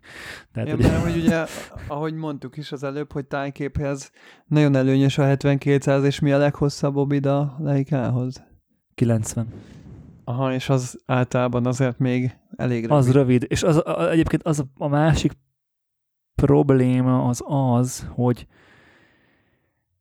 hát lehetne valami, egyébként lehet, hogy majd előbb-utóbb veszek valami, akár egy régi F bajonettes Nikon Obit ö, a Leica-ra, vagy valami full manuál ö, telét, vagy akár csak egy 135-öst, mert hogy amúgy, amúgy nagyon jól jönnének az ilyen, az ilyen szituációkban ezek az obik. Csak ugye nyilván utána kell járni az, hogy melyik az az objektív, amin van manuális rekeszállítási lehetőség, és a fókusz az nem elektronikus fókusz, hanem hanem rendes fókusz, hát, meg ugye a zoom is. És ezek most rendes már egyre zoom. régebbi jobbik, mert most már mindenütt elektronikus minden, és a, Igen, még meg kell találni azt az arany középutat is, hogy nem csak, hogy ilyen régi manuális legyen, hanem azért még tűrhetően rajzoljon 60x megapixelre is. Igen. Igen. Ami azért... Sok, sok, sok csillagnak kell együtt állni, hogy lehet, hogy kell venni egy sony meg egy Tamront, és akkor megvan oldva. Amúgy igen. ja. A 60 megapixeles Sony A7CR-t megveszed, meg egy igen, valami meg nagyobb Tamron. 75-180-at, vagy mi, mi az? 70-180. Az tök oké. Okay. Ja. Ja, de nyilván ez nem prió, csak tök, tök volt így fotózni. Üm, viszont azóta voltam még egy trippem. Voltam, ma hétvégén voltunk a Mirádóval Olasz, Olaszországban az éves ö, ilyen konferencia, most a Gardató partján volt, ö, és itt ö, elég jó, jókat kísérletezgettem olyan technikákkal, amiket eddig nem nagyon fedeztem még fel a fotózásban. Milyen, milyen ez a technika? Hát, vakuzgattam kültéren, képzeld. Isten. Felfed, láttam, hogy írtad nekik, hogy úristen, vagy nem is, a Instagramon láttam, hogy kiposztoltál egy adag képet, hogy úristen, itt vannak ilyen fotók, ahol teljesen természetesnek tűnnek a vakunak a fényei, és hogy felírtam, hogy felírtam nekünk az adásmedbe, hogy Benedek felfedezte, hogy a vakuból jó minőségű fény jön ki, és hogy ekkora meglepetés. az a vicces, hogy mielőtt elmentünk országba, már azelőtti két hétben, vagy előtte hétvégén is már elővettem ezt a kis vakumat. Nekem van ez a Light, ú, már meg kell nézni a nevét. Uh, Lightpix Labs gyártmányú FlashQ kettes típusú vaku, majd belinkeljük. Isten. Ez azért rohadt jó, mert nagyon-nagyon pici ez a vaku, tehát ez ilyen Leica, Leica méretű fényképezőgépre tökéletes. Ö, úgy néz ki, mint egy régi filmes kisvaku, ami tudod, ami csak egy ilyen kobra, ami, ami csak kobrát tud, tudod. De tud egyébként felfelé is nézni, vagy meg? Viszont, viszont ezt föl tudod hajtani. Aha. Tehát egy nagyon, így ki, tehát ahol, ahol benne van a Fresnel üveg, azt a részt így ki tudod billenteni, és fölfele, és igazániból ugye teljes ö, szembenézéstől teljes ö, plafonra nézésig bármilyen szögbe meg tudod állítani. Tehát nem, nem csak kételese van. És ami még rohadt jó ebbe a vakuba, hogy eleve wireless. Tehát úgy, úgy, úgy néz ki magának a vakunak a teste, hogy az, amit rácsúsztatsz a hócsúra kis talp, az egy nagyon kis picike, ahogy látod a képen, az egy nagyon kis picike kis ö, ö, trig, ö, transmitter. Uh-huh. És arról is simán le tudod emelni a vakut. És jó. amikor leemeled, onnantól kezdve wire lesz a vaku. Amúgy ez okos. Okos az egész. Rohadt jó. És ezt nem is értem, hogy ez miért nem, mit, mit, egy Godox miért nem csinált még ilyet rendes vakuból. Azért, és tudod, annyi, annyi... Godoxnál a kioldó az sokkal több infót ad át, mint itt. Itt csak egy manuális infót átad, hogy villanjál. Tehát a, semmi mást, mert a vakun meg beállított, hogy mekkorát villanjon és kész. Tehát itt semmi más infót nem ad át, nem? Aki oldó. Nem teljesen. Ö, tud, tudod állítani a vakunak az, ere, az erejét, hogy mekkorát villanjon. Az manuálisan nyilván. És amúgy egyébként a, a Sony-ra van TTL ilyen vaku. A Leica-ra nincsen sajnos TTL vaku, meg más gyártóra sem. Azt hiszem, hogy csak a Sony-ra gyártanak TTL-es vakut, ez a flash de ugyanúgy működik, mint az enyém. És azt is tudja wireless. És egyébként megnéztem, hogy a Profotónak van egy olyan triggere, ami lényegében ugyanakkora, mint ez egy picit nagyobb, mint ez a trigger, ami itt van ezen a vakun, viszont arra nem tud rátenni a, a vakut. Viszont az is, az is az, hogy csak egy plusz-minusz gomb van a, a, a, a transmitteren, nincs rajta semmi kijelző, semmi, tehát csak pont annyit tudsz rajta ejteni, hogy plusz-minuszba nyomod a vakunak az erejét. Igen, mert az meg Mi az ugye van állványom. az lett tervezve. Igen, de ezt tudod használni aff nélkül is, minden további nélkül. És hogy ez tök jó lenne, ha mondjuk a Godoxnak lenné ennyi. Ö, és hogy rátette, valami, nem is, nem is tudom, hogy mi, mi miatt, de hogy egy egyik nap így beugrott, hogy basszus, nekem van ez a vakum, próbáljuk már ki milyen kültéren így megvakuzgatni dolgokat, ilyen fill light jelleggel, tudod. És tök, tök jó, tökre megtetszett, és elvittem ugye a gardatóhoz is, nem is gondoltam, hogy majd egy-két képen használom, aztán végül majdnem mindig rajta volt a, a vázamon, és elkezdtem nézni a, a repülőn a Magnum ö, oktatóanyagok közül a Christina de Midelnek a, az anyagát, végig is néztem, oda meg visszafele repülőúton pont végig tudtam nézni. Egyrészt földön fetrengtem, szokásomhoz híven, másrészt direkt vakuzott a csaj, kültéren. Tehát egy ilyen tök, tök jó, ilyen inspiratív dolog is volt, úgyhogy nem is gondoltam, hogy ez a, ez a, ez a videóanyag ez erről fog szólni. Ö, egyébként, ar, egyébként arra jött a, a megfejtésem az az volt, hogy eső után és eső közben nagyon sokat hozzáad a vaku hát persze. A, a képhez. Annyira szépen így csillog tőle a, az, az, az, akár az úttest is, vagy akár a, nem tudom, fa, növény, fal, bármi, egy tök, tök jó ilyen ö, kis pluszt hozzáad a képhez, és hogyha nem is, ha nem tudod, hogy vakúzva van, nem is tűnik fel szerintem, hogy vakúzva van. Feltétlenül. Van olyan fotód, ami ilyen vakúzva van, és vakuzás nélkül is megvan, és esetleg látszik a különbség? Biztos, hogy van. Majd, majd próbálok keresni. De olyat egyébként nem csináltál még akkor, hogy kicsit jobban érvényesüljön a vakú, hanem akkor egyelőre csak ilyen fill lightként alkalmazod. Mm, itt a mellettünk lévő erdőben kísérletezgettem vele tök sokat, és ott például arra használtam, hogy 5-6 vagy F8-as rekesz, 50 milli, ugye majdnem minden éles, és a vakuval ki tudsz emelni egy, fá, egy faágat, egy kis fácskát, egy törzset, és hogy igazándiból de hogy, látszik tehát, a vaku a képen. A nem, hanem ugye mondjuk az előtéredben van a, tehát hogy, hogy, hogy úgy képzeld, hogy van mondjuk előtted nagyon basic kép, van, van előtted mondjuk három darab törzs, fatörzs, szép alakzatban. Mögötte mondjuk három méterrel van egy sűrűbb erdőrészlet. Uh-huh. És nem úgy emelem ki azt a három törzset, hogy F2-en, F2-en elmosom a hátteret, hanem megvillantom őket, és ugye ők kapnak ugye rendesen fényt, nem esik le a képről, hogy vakuzva volt, de valamennyire azért látszik rajta, hogy vakuzva volt, de hogy, hogy nem, nem szembetűnő, hogy vakuzva volt a kép, és azáltal, hogy kaptak egy, kapott egy ilyen highlight jellegű fényt a törzs, elválik a háttértől. Mert a háttéren meg kevesebb fény van, és azok meg Igen, sötétebbek. így van. Ez Viszont olyan, mint amikor a, Light, Lightroom-ban a subjectet kijelölöd, és feljebb nyomod rajta az expót. Hát igen, csak sokkal szebb. Vagy a backgroundot kijelölöd, és lejjebb. Aha, és ez ilyen szempontból még jobb, ha kicsit oldalról jön a fény, nem? az témája válogatja, de amúgy nyilván akkor még jobb az elválasztás. Tehát akkor mondjuk, akár mondjuk egy élfényt hadsz neki, akkor még jobban úgy el tudod választani.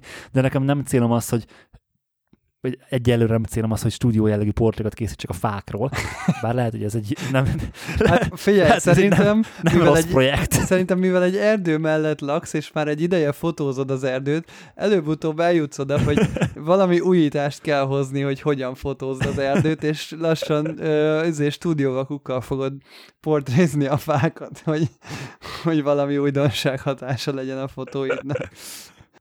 De egyébként most ez abszolút kísérletezés szakaszában vagyok, tökre tetszik, meg nyilván lehet, hogy két, két nap múlva megunom az egészet, aztán hagyom a francba. de azért elkezdtem nézeket, hogy milyen vakut kéne venni, mert azért ez a, ez a kis Lightpix azért, azért ez nem annyira erős. Tehát ez ilyen 5 méteren belül még így oké, okay, de hogyha egy nagyobb valamit akarsz bevillantani, vagy messzebb van a dolog, amire éppen kicsit csak egy kis pluszra akarsz itt tenni, azt nyilván nem tudja megvillantani, mert nem elég erős hozzá. Szerintem 20-as a kult száma. Aha. Ugye van a Godox TT350, az is ilyen picike, bár ez annál még kisebb amúgy. Igen, csak ugye a TT350 az igazándiból nem lenne előrelépés, mert az csak 35-ös kult szám, tehát oké, okay, másfélszer elősebb, de cserébe nagyobb, ami nyilván ugye, hogyha ilyen pici, tehát hogyha ha az kell, hogy ilyen nagyon ilyen street jellegű, csak a vállamon rajta van a vakú, és fotózgatok vele, akkor ez tökéletes arra, mert ugye ez tud wireless is lenni, akár nagyon egyszerűen, meg ugye eleve tök picike, föl is tudom billenteni, mégse kobrába van a rajtam, amikor ugye előrefele néz a, a vakúnak a feje. Tehát például a TT350-re ezt nem cserélném le. És ugye sajnos a, a Leica gyártmányon kívül nincs olyan rendszervakú, ami tud TT-át a Leicán. De a Nikon csatlakozással nem tudnak? Elvillantani el tudja, nem tud TT-át. És a Leica-nak van erre gyári megoldása, ami TTL-ben tud remote vakut? Van, de az nagyon drága. Ja. Tehát, hogy most az lesz, a, hogy azt találtam ki, így konz, félig konzultálva veled is, meg tök sok, tehát így utána nézgettem, hogy milyen opcióim vannak, hogy a legköltséghatékonyabb és legoptimálisabb megoldás az egy Godox X Pro 2-es Leica ö, transmitter és egy AD200 körfejjel. Uh-huh. És az a Leica SL-nek milyen a vakupapucsa? Más, mint az M11-nek? Ugyanaz, de ahhoz is csak a Leica vakuk mennek. Tényleg? Tehát, a, és akkor mi megy a Panasonicokra? An, arra van külön, az egy másik. Az egy, az, annak, az, az, egy, az egy külön vakupapucs. Ó, tehát az Elmont Alliance-ben a... A vakupapucs nem szerepel, vakupapucs nem, nem szerepel. Ó, értem. Tehát Én is erre gondoltam, de sajnos nem. Aha, aha. Tehát a jelenleg nem lenne gyártó... szerintem a leikának, hogyha átállna valamelyik én, én azt nem értem, végre. Én azt nem értem, hogy ez miért nem industry standard. Tehát, hogy most gondolj bele, hogy főleg a mai világban érted, emberek, ismerünk mindketten ilyen embert, gyakran váltanak kamerarendszereket. És hogyha mondjuk van két rendszer vakult, mert milyen lenne profi fotósként, akkor így azt így buktad. Ha mondjuk váltasz Nikonról Canorra, akkor a rendszer vakuid, még mondjuk ha akár third gyártók is, buktad. És meg kell venned dettő ugyanazt a vakut, csak nem a Nikonra, hanem a Canorra. Hát ez azért van, azért nem industry standardek alapján alakultak ezek ki, vagy alakulnak ki, mert egyrészt a gyártóknak érdekük az, hogy a rendszeren belül Nyilván. tartsanak, de ezen túl a gyártó, amikor fejleszt egy vakut, mondjuk a Canon fejleszt egy vakut. Pont most változtatott ugye a Canon az R6-2-nél vakupapucsot. Az R6-nak még klasszikus vakupapucsa van, az R6-2-nek már digitális csatlakozós vakupapucsa van. Ugye erről pont múltkor beszélt Peti is. A Canon nem akarja le limitálni a saját, vaku, saját maga által gyártott gyári vakunak a funkcióit azért, mert neki be kell csatlakoznia egy olyanhoz, hogy pont olyan legyen a vakupapucsa, mint mindenki másnak, hanem ő legyártja azt az egyedi vakupapucsot, amivel teljes funkciókat tud nyújtani a saját gyári vakujával. És ezt minden gyártó megcsinálja nyilván a saját Nyilván értem, hogy miért, miért van ez. Sajnos ugye bosszant, hogy a pont a Leica-hoz nincs még semmi. Jelenleg kettő olyan ö, transmitter van, ami tud Leica-val TT-t, meg HSS-t, ugye az egyik az a Godox X Pro 2, a másik meg a Profotónak a nem tudom mi ennek a neve, az új. Ponnek, nem? Az a, az a, az nem, a pici. Az, nem Vagy a pici, az az új. Az új. Hát az, az meg új, R-remote valami. Profotó, valami olyasmi, igen. A, a rendes remote abból vannak lejkek, és akkor nyilván a Profotó rendszer, meg a Godox rendszer amúgy tud, tud TTL-t, meg HSS-t ugye lejkával, csak például pont az nincs, hogy mondjuk egy Godox V1-et, vagy egy, akár egy Profotó A1-et, vagy A10-et, ami, ami ugye rendes rendszervakuk, azokat hiába teszek rá a lejkára, csak manuálisba tudom használni, és nem tud például TTL-t. És ugye az a legbosszantóbb, hogy a TTL-nek igazándiból akkor van a szerepe, hogyha a, a, a, a vaku, ha mozog. Mert egy stúdióban, amikor a tárgytól a vakuk távolsága nem változik, mert ki van helyezve minden vaku, ott tök mindegy, hogy van a TTL vagy nincs.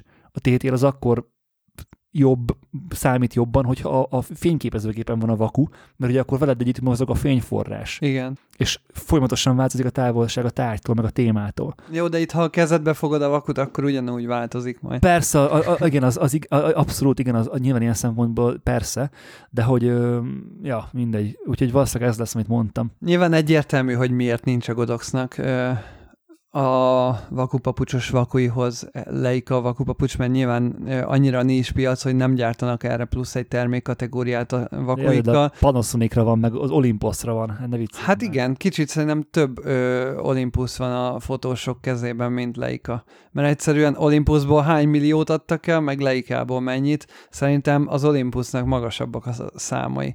És ö, a kioldót megcsinálta, mert oké, okay, akkor az összes Godox vakut így tudod használni TTL-ben, de nyilván mindegyik vakupapucsos vakujából plusz egyet gyártani, meg raktárkészletezni csak azért, hogy Leica, Persze, az... világos az eléggé ö, nem, nem túl jó. De mondjuk Pentaxra sincsen nekik, vagy van? Arra van. Ja, van nekik? Ó, hát akkor, akkor lassan-lassan már. Nyilván ugye ezek a Pentax meg Olympus, ugye ezek historikusan adtak el sokkal több kamerát. Igen. Tehát azért, azért manapság már azért elég sok SL meg Q, amint szintén ugyanaz a vakupapucs van, mint az M11-en, azért az, el, az van. Tehát, hogy azért ad, ad, el a, ad el a gépet, meg van, van azért, amit, amit, amire azért lehetne rakni vakut, főleg az SL vonalra. Úgyhogy szerintem egyébként előbb-utóbb meg kell, hogy jelenjen majd ez is, de hát most jelenleg egyelőre nincs. És akkor mi a AD200 lenne a végeredményben a, a vakud? Szerintem az, az egy ilyen jó megoldás lenne. Igen, az nem rossz. Az, AD, az AD100 volt még ugye versenyben, vagy igazából az lenne az ilyen legkompaktabb megoldás, vagy hogyha vennék egy V1-et, csak a V1-et azért nem akarok venni, mert hogy abból nem tudok lejkásot venni.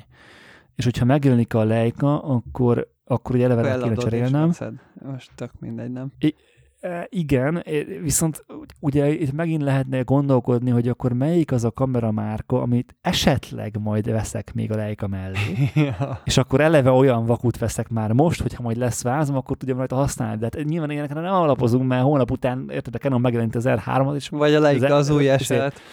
Vagy a Leica az új eset, vagy megjelenik, a, megjelenik az új Canon 5D Mark, mi az R5 Mark 2, és akkor azt akarom megvenni, akkor meg megint bukta van, érted? Tehát, hogy jó lesz nekem az, az AD200, mert az mindenhez jó. Tehát abból, abból biztos, hogy nem kell újat venni. Hát az igaz, az AD200 az mindenre használható, az egy nagyon univerzális, sőt egyébként, hogyha vázon akarod használni, akkor veszel egy cage-et a leikához, és egy-két csavarral rá tudod ugye rögzíteni, hát beleraksz egy spigotot az egyik állványcsavarába yeah. a cage-nek, és utána ráteszed az AD200-at, és hello. Hát ugye egyébként a, a megoldás az az lenne, hogyha így vakuzni akarok kültéren, hogy kell egy kis oldaltáska, amiből van vagy öt a fiókba, és akkor abba belerakom az AD200-at, a lejkán ott van a trigger ugye fixen, és hogyha kell a vaku, akkor kiveszem a táskából, megvillantem, azt visszateszem. Ugye írtad, hogy az AD100-nak nem annyira jó a, az üvegje, és hogy nagyon, vagy hát a maga az a villanócsöves annyira jó, meg a, meg a Fresnel üveg se jó annyira, és hogy nagyon ilyen fura színe van a vakunak, mert hogy nyilván olcsó, és hogy nem annyira figyelnek erre. És ugye lehet ezt korrigálni, és van is egy videó, hogy milyen magánt a fóliát kell beletenni, csak én hát attól félek, hogy, hogy ez vakunként változik. Tehát, hogyha ha vennék egy AD 100 akkor azt ki kéne mérni, hogy azt milyen ö, fóliával kéne korrigálni. Ö, és hogy megnéztem, és hogy persze kisebb az AD 100, viszont ugye az AD 200, amellett, hogy egy dupla olyan erős, ö, cserélhető a feje. Igen. És az viszont rohadt jó szerintem így hosszú távon gondolkodva, hogy arra akármilyen, akár berbálbot, akár egy normál vakú fejet, akár ezt a kör alakú fejet Akár a LED, tenni. LED most, lámpát is rakhatsz rá, ugye van Igen, LED lámpát is lehet rátenni. Van ez most ez az új stick fej, azt is Mondjuk az a stick fejt, azt néztem, nekem az tökre érdekes lenne, és kipróbálnám ilyen direkt vakuzós ö, fotózásra, csak az a stick fej, az annyiba kerül, mint maga az AD200. Tehát, hogy konkrétan az ára valami 250 dollár, vagy 300, vagy olyan tök drága. Uh-huh. Sajnos ez az új fej, ez eléggé, elég, eléggé túl lett most úgy árazva, úgy érzem. Hát nyilván egy speckó dologról van szó, meg azért elég, elég nagy ez a villanó, sőt, hogy megnézzel egy berbál fejet, azért az érted ötször akkora, vagy nem tudom, sokszor akkora. Uh, és hogy hogyha már veszek egy ilyen vakut, ha veszek, akkor, akkor nem, tudod, nem akarom lelimitálni azt, hogy akkor megvettem a legalapabbat, és akkor, hogyha mit tudom én, van, vannak ugye a Mirado által nálam ö, softboxok, hogyha esetleg abba azt akarnám használni valamire, akkor, vagy bármit, akármikor kell egy vakútöröd, nem tudom, hogyha már van a fiúkban egy normális vakok, mert legyen egy picit jobb, mint a legalapabb. És akkor az AD200 az egy ilyen, az egy ilyen tök jó alany középút. Térjünk meg egy kicsit vissza erre a magnumos anyagra. Na, erről mesélj már, mert én még ezt nem láttam. Mik a, mik a ö, tanulságai? Arra, hogy az a tanulság, hogy nem kell YouTube-ot nézni igazán. De minden magnum anyagnál ez a tanulság amúgy. Bár egyébként múltkor néztem a Scott Csucsinyónak egy videóját, és egy-két eszközt így megmutatott benne, majd utána rákeres, tehát hogy megmutatta a táskáját. De és azt nem néztem meg, meg azt a videót, az még rajta van a listán. Mármint, hogy mit visz magával egy ilyen ja, worldwide kampány. Igen, igen, igen. És ott volt egy-két dolog, amit így nem tudtam, hogy mi az, és rákerestem, és beszabadultam egy olyan mély rabbit hole hogy a világ összes pénzét el lehet költeni sajnos.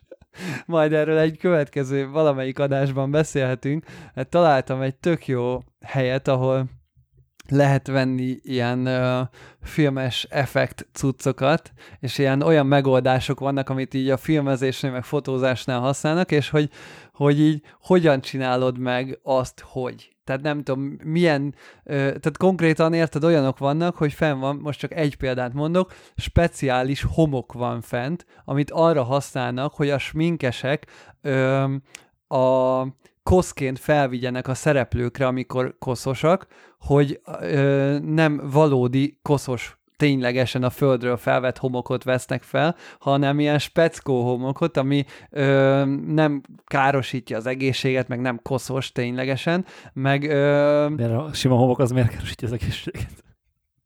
Hát mit tudom én, meg mit, ilyen, de úgy van leírva, hogy ilyen, ö, ö, meg hogy jól néz ki, meg hogy úgy marad, csomó olyan effekt van fent, hogy tudod, ilyen, ilyen, mondjuk van ilyen, hogy fagyasztás, és akkor tudod így a, a, a, a frosting effekt, hogy így a, az arcodon, vagy éppen bármin, mint amikor így kivetted a hűtőből, és ilyen jeges az egész, és tudod, így a mattan ott van rajta a jég, az egy sima spray, érted? Lesprézed, és így ott van örökre, és addig fotózod, amíg akarod a cuccot. És ezer ilyen van, és így az egész, fú, hallod, majd ezt egy, egy podcastbe átnézzük ezeket a termékeket, csak így szerintem tök jó ilyen, ilyen um, fejtágítási jelleggel így közösen majd rácsodálkozni, hogy mik vannak. Ja, ja.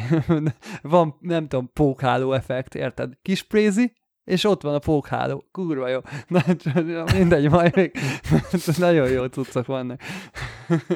Na szóval, a Christina de Middle, megint egy olyan dolog történt, ami, ami, ami tök jó hogy megélni, hogy gondolkozol valamin, hogy így valamit szeretnél csinálni, tudod, hogy mit szeretnél csinálni, de nem tudod megfogalmazni, mit szeretnél csinálni. Ismered ezt az érzést, gondolom. Aha. Hogy van benned egy érzés, hogy ezt szeretném a fotózással csinálni. De az Ilyen van, hogy amikor én megnéztem a magnum anyagokat, akkor miért van az, hogy a magnum anyagok után mindig ez az érzésem van? Tehát, hogy lehet, hogy igazából az érzés meg se volt előtte, hogy én ezt akarom csinálni, de valahogy miután megnézem a magnum anyagot, mindig az jön ki, hogy ó, hát én tényleg pont ilyet akarok. nem, nem, én, én konkrétan erről dumáltam a haverokkal, hogy, hogy, hogy olyan anyagot szeretnék egy olyan fotóanyagot szeretnék csinálni, ami lényegében dokumentarista jellegű anyag, de nem valódi tört, tehát nem, nem elkapott képek a fotók, hanem akár meg, megstételt Az Alex fotók. is ilyesmi volt. Az, kicsit azért az más, tehát nem, nem egy beállított portrére gondolok. Sőt, még az is, ez volt a másik. Hogy hívták azt, aki kiment Szibériába? Jonas Bendixen? A, abban melyik volt ez? Hát az, amikor például ö, amit le is videóztak, az is, am, a, amikor a, a Jézus figurákat fotózta, ott ő megkérte az embereket, és dokumentálta az adott napját, életét, de közben beállította, meg be is világította akár de én nem erről, nem ezt mondom. Számomra ez, ez simán, ez simán dokumentum, doku meg report. Az, hogy, az, hogy egy, egy, egy fotó be van állítva, ö, mondjuk tegyük fel, hogy a, van a fotón egy alany, az, hogy mondjuk be van Megmondja neki, hogy ide ebben a sarokba ülj le. Mondjuk. Igen, az nekem tökre belefér, az még nekem, az még abszolút nekem divat, vagy a doku report, tehát az, az attól most, hogy megvan mondva, hogy légy ma oda, attól még ő az az ember, azon a helyen történt a fotó, stb. stb. De hogy én azt úgy képzeltem el, hogy mondjuk egy nem tudom, mondjuk, ha veszük, hogy vegyük ezt a téli fotós sorozatot, sorozatomat, hogy azt úgy, úgy folytatni, hogy kitalálom azt, hogy nagyjából milyen típusú képeket akarok még beletenni, hogy kb. meg lesz a koncepció, hogy ezt akarom látni a fotón, és azt megrendezem, vagy megcsinálom a fotót. És tök mindegy, hogy hol van, ki van rajta. Az a lényeg, hogy a, a hangulata a fotónak, az meg a, nyilván a képvilága, meg ami rajta van a fotón, az illeszkedik az anyaghoz. És ez a nő ez ezt csinálja. Hmm és brutál, brut, brutálisan jó anyagai vannak, és a, az egyik leghíresebb anyaga, az a, annak az, az a címe, hogy Afronauts, és arról szól, hogy kitalálták, nem, nem, tudom, nem emlékszem rá pontosan, de hogy a dél-afrikai köztársaság kitalálta, hogy nekik is kell egy űrprogram, hogy legyen. Hm. És erről megjelent valami újságcikk, amit megtalált az a nő, és hogy így elképzelte azt, hogy egy, ezt az űrprogramot, ezt hogy dokumentálná. És csinált egy full fiktív dokuanyagot, de full a fektek mentén az, amerik, vagy az, af, az afrikai űrprogramról. És ilyen összeszarod magad, olyan képek vannak benne, rohadt jó, és úgy van előadva, mint hogy egy ilyen full dokucuc lenne, és közben meg meg van csinálva az ilyen afro mintás űrruha, meg ilyen, ilyen nem tudom, ilyen tök poén az egész, és látszik, hogy ez egy ilyen vicc per, de hogy a maga... Ez a... elég sok craftmanship is ment bele, nem? Igen, igen, nyilván, meg, és nyilván nem ezen a szinten gondolom magamnak ezt csinálni, de hogy, hogy tök zseni. És hogy ez kb. az összes anyaga erről szól, hogy így megvan egy téma, amit amit, aminek a sztoriát, meg az, hogy hogyan akarja ezt bemutatni, azt nagyon, nagyon ö, személyes hangvételre veszi. Tehát, hogy nagyon, nagyon ö, figyel arra, hogy olyan szempontok mentén, olyan szemszögből mutassa be azt az anyagot, ahogy ő azt jónak ér, és érdemesnek, és eléggé körüljártnak gondolja, és hogy ne, ne sértsen meg vele senkit azzal, hogyha ez így bemutatva, vagy így van hozzá nyúlva ehhez az anyaghoz, és hogy, hogy még véletlenül sem menjen félre az üzenet, meg minden, és tök király.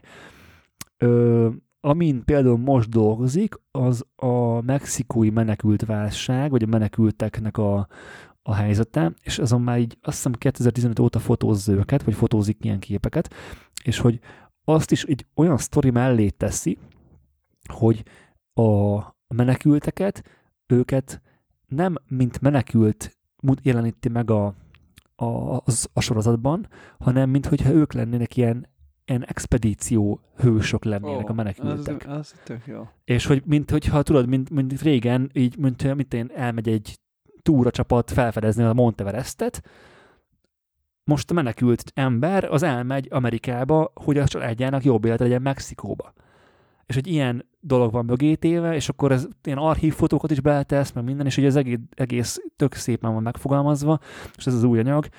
Nagyon várom, hogy megjelenjen a könyv, valószínűleg meg fogom majd venni. Ö, és hogy majdnem minden anyaga ilyen volt, hogy így konceptuálisan fotóz ö, aktuális report témákat, nem tudom ezt jól megfogalmazni, és, de nagyon szépen átadja, meg nagyon szépen elmondja, ö, és tök jó anyagai vannak, és tök jó fotói vannak, és, és nagyon tök jó volt megnézem, megnézni.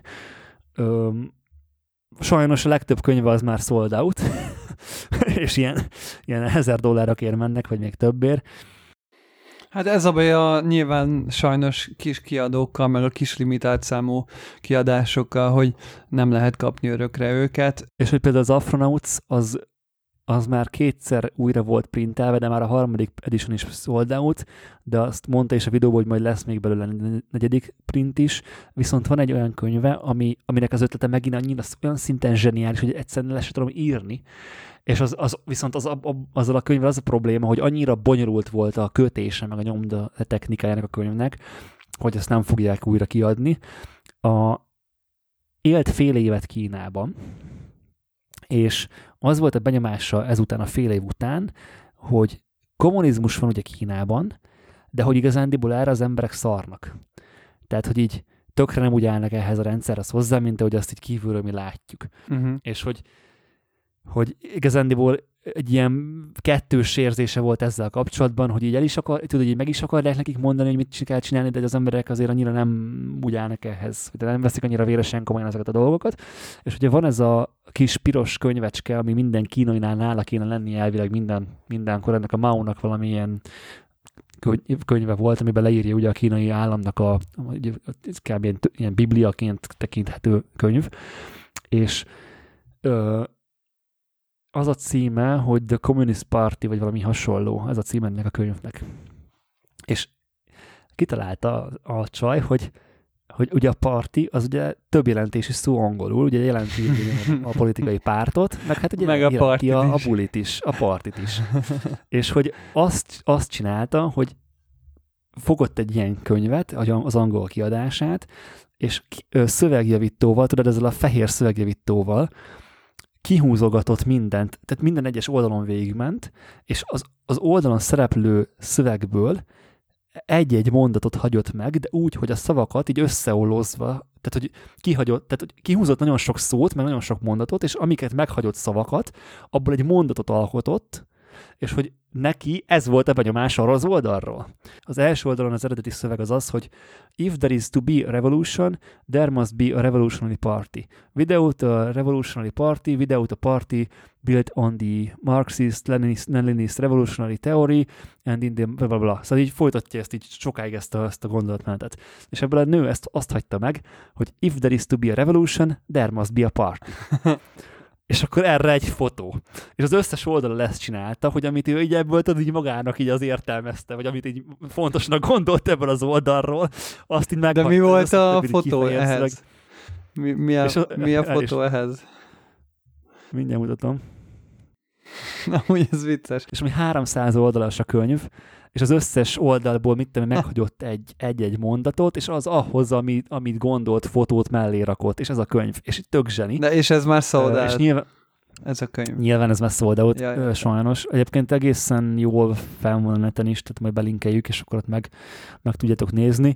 Ö, és hogy az interjú során így mondta, hogy egyébként ez neki egy ilyen nagyon mély, mély élet szakasza volt, azért is ment el Kínába, mert nagyon rosszul érezte magát a ö, Spanyolországban, ahol élt, és akkor elment fél évre Kínába, és akkor ott igazán ezzel a könyvvel zárta le azt az életszakaszát. Tehát ez egy nagyon személyes hangvételű anyag is egyben. Amúgy ez jó. Jó hittem, amik vannak fent így oldalakból. Pár darab mindig azt érzem ezeknél a magnumos anyagoknál, hogy általában valami társadalmi kérdéssel reagálnak, és mindig valami új típusú látásmódot visznek bele, vagy más szemmel nézik meg, mint a, az átlag, és akkor ezt valahogy nem is feltétlen fotóként, hanem egy ilyen projekt, projektként jelenítik meg, és sokszor, mint ahogy a, Békedi Porternél is ezek, a, ahogy az egyiptomiak elkezdték ráírogatni a képekre, hogy mi az, amivel egyetértenek, mi az, amivel nem, hogy így a fotó az szinte csak egy ilyen alap, vagy egy ilyen mellékes, vagy egy ilyen illusztráció, és akkor van az egésznek aztán egy ilyen üzenete is még, és, és általában ezekből, ja, tök jól lehet inspirálódni, de mellé pont ezekből úgymond a legnehezebb is egyben, hogy ilyen szintű dolgokat honnan találsz ki, vagy hogyan, vagy, vagy ho, hogy jut el oda az ember, hogy, hogy mondjuk felépítsen egy ilyen projektet, bár valószínű ezek is csak kicsiben kezdődnek, hogy először megvannak a fotók, ott él, kicsit így izé, be szívja a kultúrát, és akkor kattingat fotókat, nyilván valamennyire tudatosan, aztán utána elkezdi megszerkeszteni, meg utána elkezdi ezt ilyen projektbe gyűjteni, meg, meg berakni mellé egy mondandót, ami az alapján ö, megy, amit vagy ő tapasztalt, vagy esetleg amit tényleg, mint a Beacon Reporternél, hogy mások mondanak el. És akkor azt a kettőt kombinálja, a fotókat, meg az em- valós emberek tapasztalatát. De amúgy nagyon jók szoktak tényleg ezek a magnumos dolgok lenni. Ezt majd nekem is meg kell nézni amit mondtál, az tök igaz, hogy rohadt nehéz ezekből inspirálódni igazán, mert hogy én is azt éreztem az összes anyaga után, hogy úristen, mekkora jó ötlet, és hogy miért nem én nekem jutott eszembe, és miért nem én csináltam meg, tudod. Mit tudom, volt egy olyan anyaga, hogy ö, tudod, vannak ezek a spam e-mailek, hogy nem tudom, a afrikai herceg utolsó örököse te vagy, és akkor ha küldesz 3, 30 dollárt, akkor kapsz 10 millió dollárt, tudod. Ez a klasszik spam e-mail. Ja, igen, erre emlékszem, hogy volt ilyen. A... És hogy és hogy ebből összegyűjtött tizet, vagy nyolcat, nem tudom hányat, és csinált egy fiktív portrét a küldőről. Tehát elképzelte, hogy ez a csávó hogy nézhet ki. Milyen környezetbe írhat ezt az e-mailt, hogyha ez az e-mail igaz lenne. És a, megvan, a, megvan a, az e-mail, meg mellé a fotó. És, így, és hogy így... Igen, csak az ezek edit... is olyan dolgok, hogy így oké, okay, aranyos, mármint, hogy így pont ez az, hogy nézed, és azt mondod, ó, de jó ötlet, de királyú meg van valósítva, de jó kis projekt, és tényleg, ahogy, ahogy az előbb is mondtuk, hogy, hogy ezek inkább ilyen műfogyasztóként jó nézni, de ha inspirálódni próbálsz belőle, az így necces, max tényleg így azt lehet, hogy azt lehet ezekből elvenni, hogy tényleg szó szerint bármit csinálhatsz, csak legyen egyedi az ötleted, de a másik, amit... Nem is kell, jól... hogy egyedi legyen szerintem. Szerintem az a lényeg, hogy, hogy nekem az a tanulságom, hogy, hogy fotózni kell, gondolkodni kell, ilyen anyagokat fogyasztani kell, és jönni fog az inspiráció. Igen. És sosem tudhatod azt, hogy mikor talál rád az ötlet.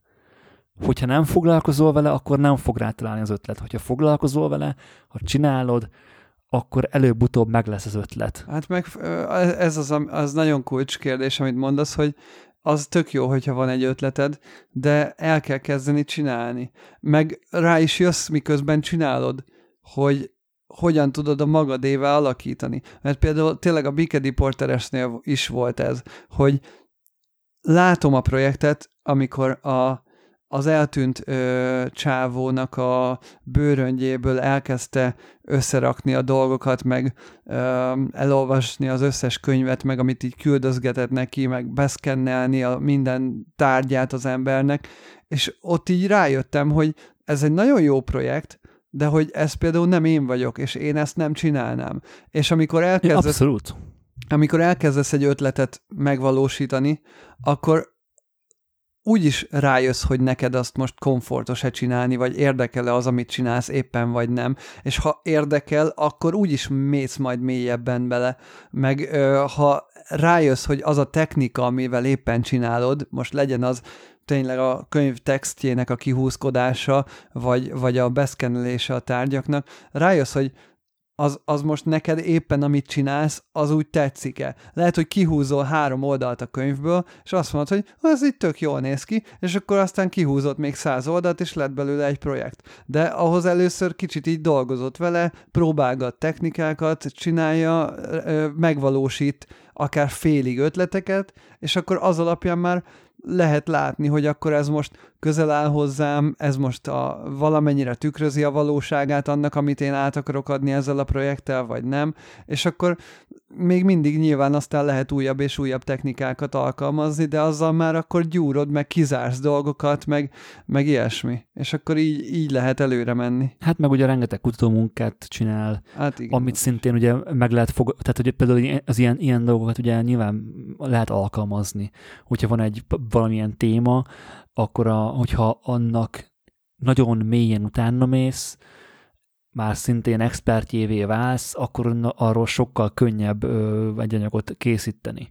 Ja. És sokkal könnyebb olyan, ö, nyilván az ugye függ a szándékottól is, de szerintem akkor jók ezek az anyagok, főleg, hogyha a dokumentarista riportanyagokról van szó, hogyha ilyen pártatlan szempontból vannak ugye bemutatva, tehát hogy nem nem egy, egy oldalon vagy esztétizálva vannak, vagy ö, bírálva. Na de várja, mert ezek hanem... a magnumos anyagok meg sokszor pont személyes látószögből vannak.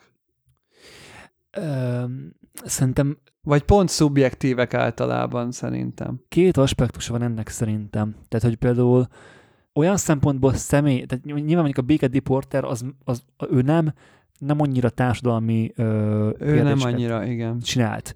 Tehát ott ugye nyilván erről eleve kár beszélnünk. A, viszont mondjuk, ha nézzük a Jonas Bendixent, vagy ezt a, a Christian Remidelt, ők ugye azért olyan, olyan, olyan topikokhoz nyúltak, amik, amik azért ilyen társadalmat érintő, emberiséget érintő kérdések. Ö, és hogy vagy, vagy annak, az, vannak, annak egy része, például az egyik anyaga ennek a Christian de Midelnek, ez a, a voodoo vallásnak az egyik istenéről szólt. És hogy a, a vudút azt ugye nagyon sokan bírálják, főleg ugye nyugaton, meg a keresztény kultúrában, hogy ez mi az a, tudod, ez a azért ősemberek bögödösik a bábút, és akkor hát hagyjál már hülyeség. Mm. és hogy, hogyha ennek utána mész, és megnézed, hogy ennek milyen történelmi, történelme van, milyen ö, ö, szokások épülnek erre, milyen szimbólumok vannak, melyik országban, hogy ábrázolják ugyanazt, és ezt így bemutatod objektíven, de nyilván a saját lencséden keresztül, de egy átfogó képet adsz erről az egészről, az attól, hogy te csináltad, még nem lesz szubjektív, hanem egy szép bemutatás lesz valamilyen jelenségnek, és el, mondjuk elgondolkozik egy olyan ember is azon, hogy hát figyelj, lehet, hogy ez mégse akkora baromság, mint aminek gondoltam, hogyha lát róla egy ilyen anyagot. vagy mondjuk a, akár a menekült válság.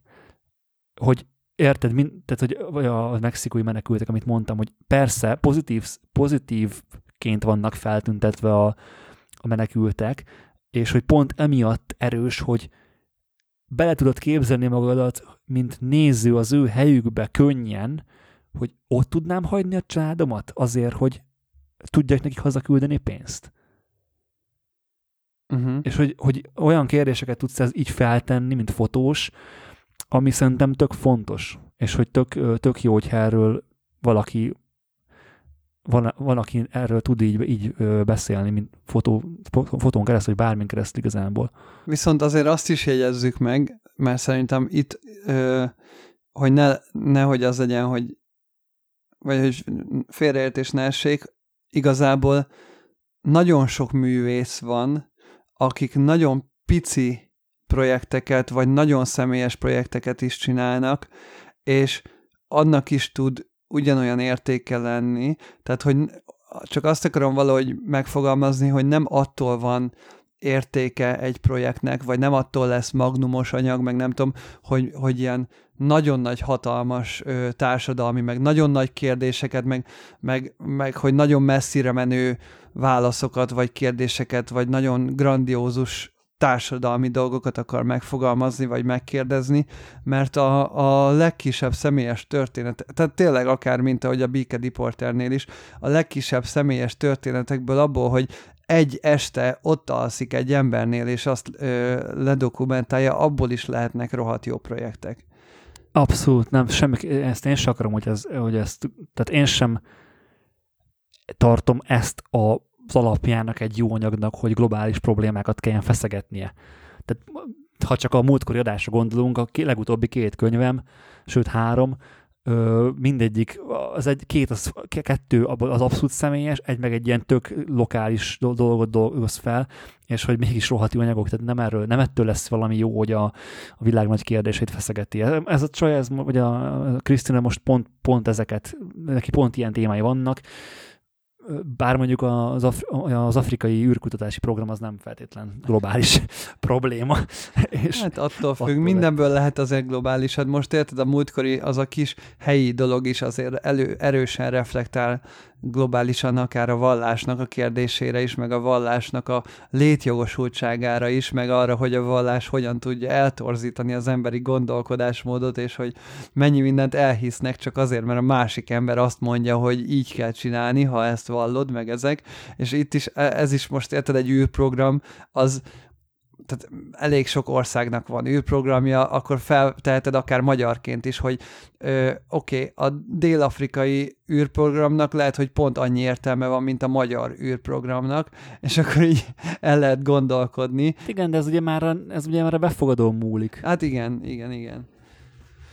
Tehát, hogy végsősorban sokat lehet aztán a, akár így globalizálni is, vagy akár tényleg csak így a saját perspektívádra átfordítani, mert nyilván a befogadón is múlik, mindenki más szemmel nézi ezeket, meg attól is függ, hogy tényleg a világ melyik részén laksz, más szemmel nézed meg mondjuk a Szibériáról készült anyagot, hogyha Oroszországban laksz, vagy akár ezt a kínai anyagot, hogy, hogy Abszolút.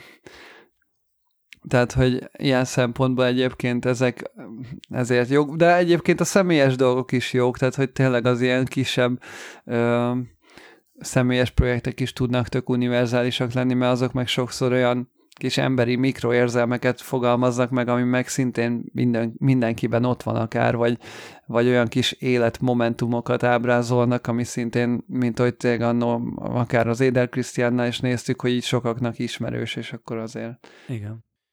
Úgyhogy tanulság, magnum anyagokat kell nézni YouTube helyett továbbra is. Úgyhogy jó, azért a YouTube is a... sok mindenre, de... Persze, az is jó, nyilván csak viccelek. De most el fogom kezdeni, szerintem én is megnézem azt a Beacon Portert is legközelebb, meg amit még nagyon meg akarok nézni, mert ez a Mark Powernek a Photographing Place, hogy mi annak a címe pontosan, hogy azt, azt, azt szerintem még, még nekem valóbb, úgymond. Ö, arra nagyon kíváncsi vagyok, hogy ott, ott milyen megfejtések lesznek. Hát és ne beszéljünk a, még arról, hogy mennyi minden nézni való van még a sorozatok meg filmek terén, mert hát ott is gyakorlatilag dömping van sorozatokból, amit én még nem néztem meg. Már gyakorlatilag a Succession-ből három évaddal le voltál maradva hozzám képest, és már végignézted, én meg itt ülök még az utolsó évad előtt, hogy oh, mikor lesz meg a tökéletes időpont. Ideje lenne megnézned. Igen. Hát mindig van más dolog. Köszönjük, hogy ezen a héten is minket hallgatatok. Eheti adásunkat is a Fujifilm, a Tripont és a Patreonosok támogatták. Név szerint Turóci Gábor, Lizander Gallus Agamemnon, Mozsár Valentin, Varga Domonkos, Semán, Nagy Dóra, Mikó Vencel, Jancsa János, Sutta Dávid, Német Mészáros Bálint, Vince Robert, Végsándor, Buducki Norbert, Nagybai Ádám, Szűcs István, Pataki Csaba, Flender János, Tóth Szabolcs, Rövid Péter, Nác Tamás, Berta Zoltán, Dovigyel Bálint, Szulics Miklós, Balog László, Bihari János, Nagy Attila, Komáromi Balázs, Kerékgyártó Tamás, Horváth András, Kondor Ádám, Nyirő Simon, Túrjányi Tuzson, Zavocki Sándor, Török Péter, Wintermark, M. Kari, Galambos Dávid, Karancsi Rudolf és Vince Zoltán. Sziasztok! Sziasztok!